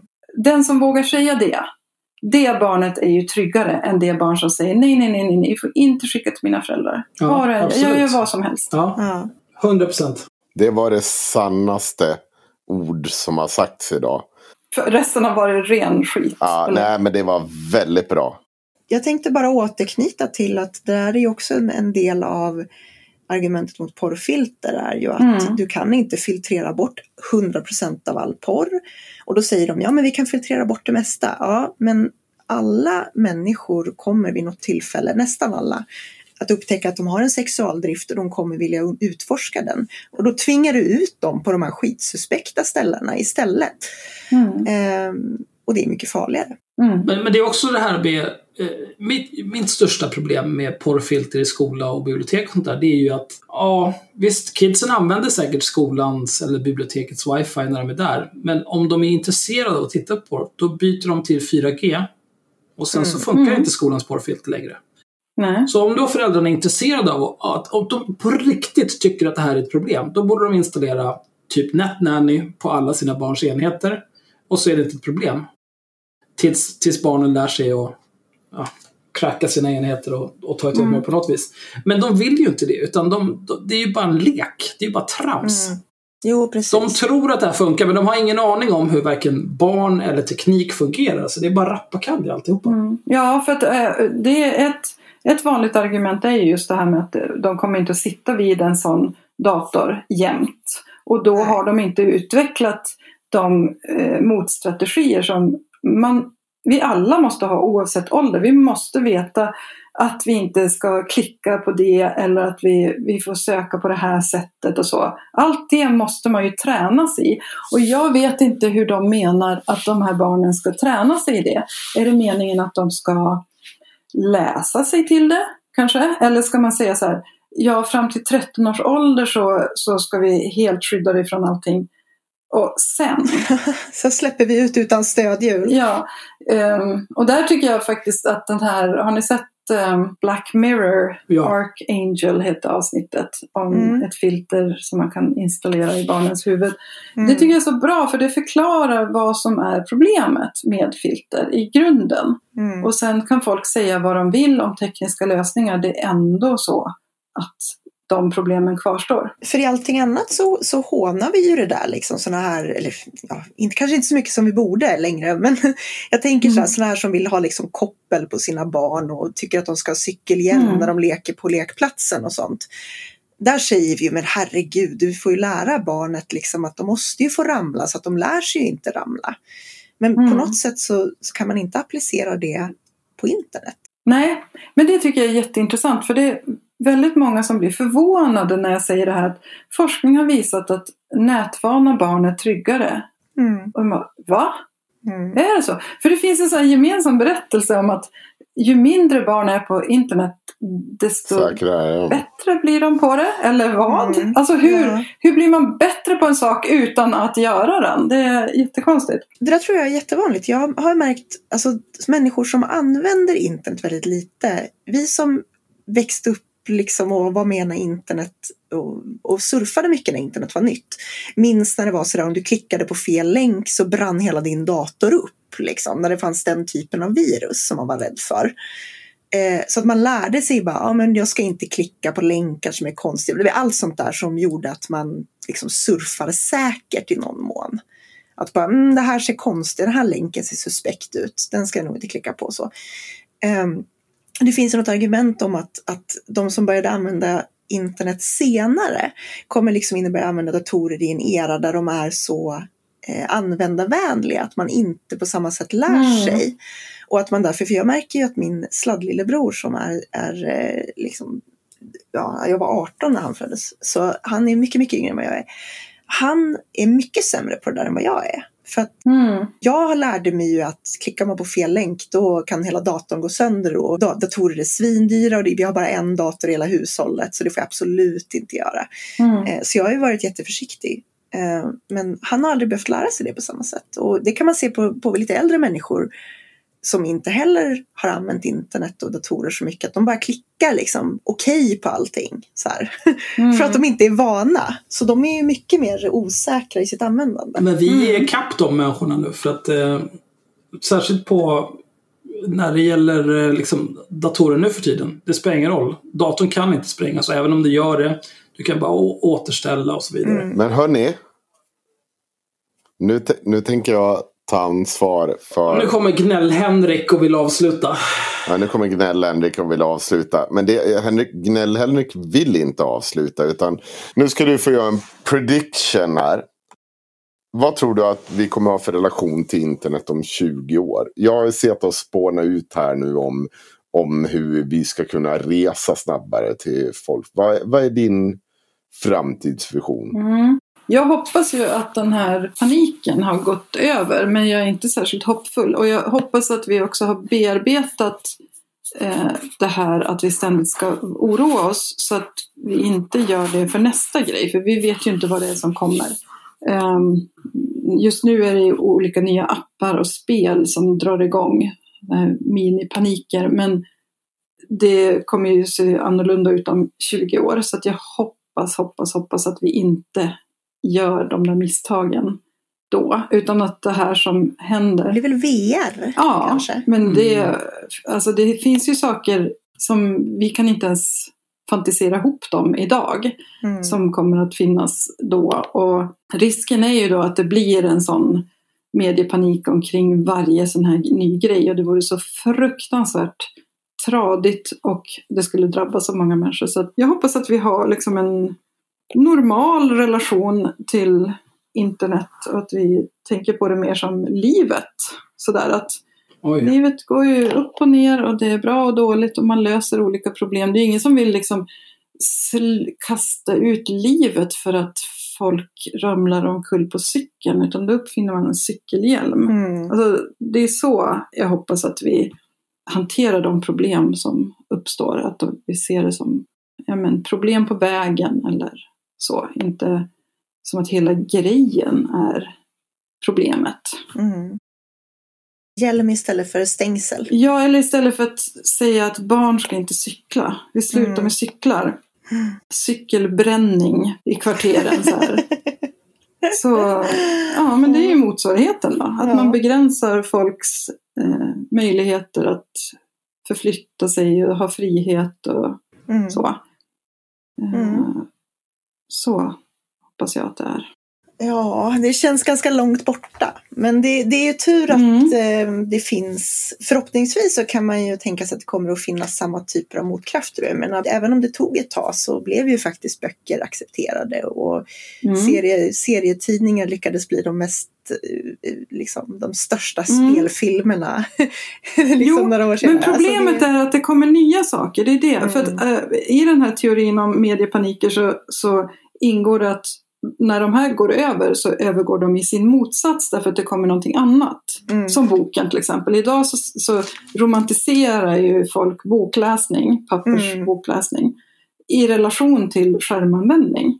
Mm, Och, och då, om, om det här ska fortsätta så kommer det ju vara någonting nytt som eh, och så säger man så här, åh, kommer ni ihåg när barnen satt med sina plattor? Mm. Åh, och det var så inte bra. var ute, inte var ute liksom och åkte tåg till andra sidan jorden. Gud, Ja, tryggt eller fick hudcancer av eh, solen och så. Och, och då, då blir det så himla dumt. Mm. Jag har en öppen fråga, men jag tänker Elsa får svara först. Är, är du orolig över att nästa stora grej kommer vara det som får dig att tippa över och bli reaktionär och säga Nej, vad är det här för skit? Nej. Nu har det gått för långt. Tänk på barnen. Mm. Nej, jag tänker snarare att vad mycket smartare jag vore om jag gick över till den mörka sidan. Alltså Mm. om jag blev sån charlatan och skräckföreläsare och skrev sådana böcker Ja, med ditt CV. Herregud. så alltså. skulle jag hova in pengar, jag skulle få klappar på ryggen istället för käftsmällar. Mm. Åh, vad härligt livet skulle Ja. vara. Så där tänker jag ofta. Glida omkring på de här festerna i Stockholm, galorna och så Mm. bara, ah, där kommer Elsa! Du skulle ha jättemånga fler följare på Instagram. Ja. Mm. Förmodligen. Bara det. Ja, jag tänker också ofta sådär.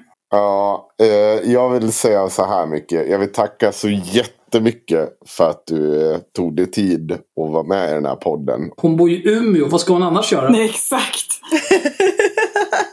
Här är ljust hela natten alltså. Är det så nu alltså? Fy fan. Mm. Ja, jag tycker jag överlåter det här till lekledaren för det här samtalet att avsluta det på ett snyggt sätt och säga att vi är en... Ja, kör Axel. Du har inte tjatat om Patreon en enda gång. Nej, men jag, jag tycker... eh, Vi hade eh, exponentiell tillväxt under eh, april månad. Mm. Innan dess har vi haft linjär tillväxt på en Patreon per dag hela det här året. Så även i maj månad. Mm. Trots att ni, våra lyssnare var långsamma den här månaden. Jag var tvungen att posta flera gånger och uppmana dem att ta tag i sina liv och ge oss pengar. Men jag känner lite grann att jag skiter i det här. Eh, Jag orkar inte tjata mer om Patreon. Nej. De av er som lyssnar på den här podden, ungefär 10% av er, mindre än 10% av er som lyssnar på den här podden är patrons. De av er som inte är det, alltså jag skiter aktivt i om ni lever eller dör. För ni är värdelösa. Ni är helt värdelösa. Ni påverkar inte mitt liv på något som helst vis. Men om den här podden påverkar era liv till det bättre, betala för den då din snåla jävla apa. fan håller du på med? I övrigt har jag ingenting att säga. Eh, vi är för övrigt eh, på 249 patrons nu. Så att om en patron så måste vi fixa någon typ av merchandise att sälja. Ja. Ja, det är, jag, jag, jag är inte helt överens med den här. Vi är, jag, jag skulle säga 500. Jag, jag hade hellre ordnat en stor fest. En fest? Jag vill inte ha någon fest. Jag vill inte träffa de här människorna. Jag skiter i de här. Men alltså vi kan ju göra merch. Vi behöver ju inte, alltså, vi behöver ju inte så här sätta upp världens merch store. Det handlar ju om att göra, alltså, designa ett tryck. Sen kan man lägga ut det på spreadshirt så folk får köpa det till självkostnadspris. Det struntar väl jag i. Vi behöver inte göra det svårare än vad det är. Självkostnadspris. Nu tror jag att du har missuppfattat syftet med den här podden. Degen ska in.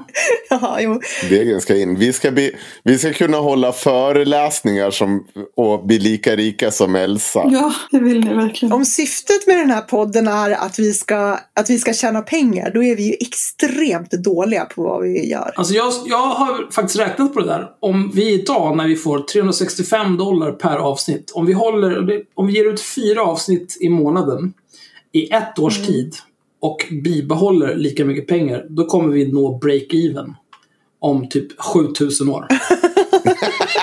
Så det här, det här är ju en förlustaffär från början till slut. Alltså jag, jag är ju ruinerad. Jag är ruinerad.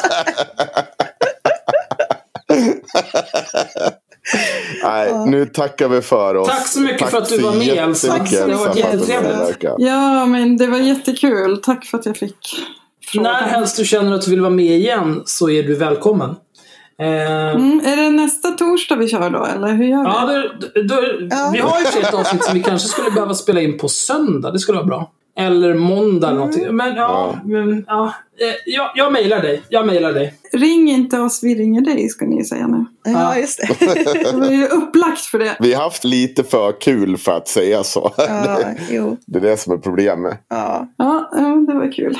Nej, men tack så mycket och eh, kom ihåg att lyssna på Spotify och så vidare. Och ja, jada jada. Nej, lyssna inte på Spotify. Det är trash. Okej. Lyssna på vad fan du vill. Men lyssna inte på Spotify. Vi, vi skulle aldrig betalat för att lägga upp den här podden på Spotify. Vi har aldrig blivit så knullade någonsin. Det är ju för fan Pippa som vi distribuerar den här podden via som tar pengarna från spelningarna från Spotify. Och så tar de betalt av oss för att vara på Spotify. Vad är det här för skit? Åh. Nu, nu kom hjärnblödningen. Jag går och lägger mig bara. Jag går och lägger mig.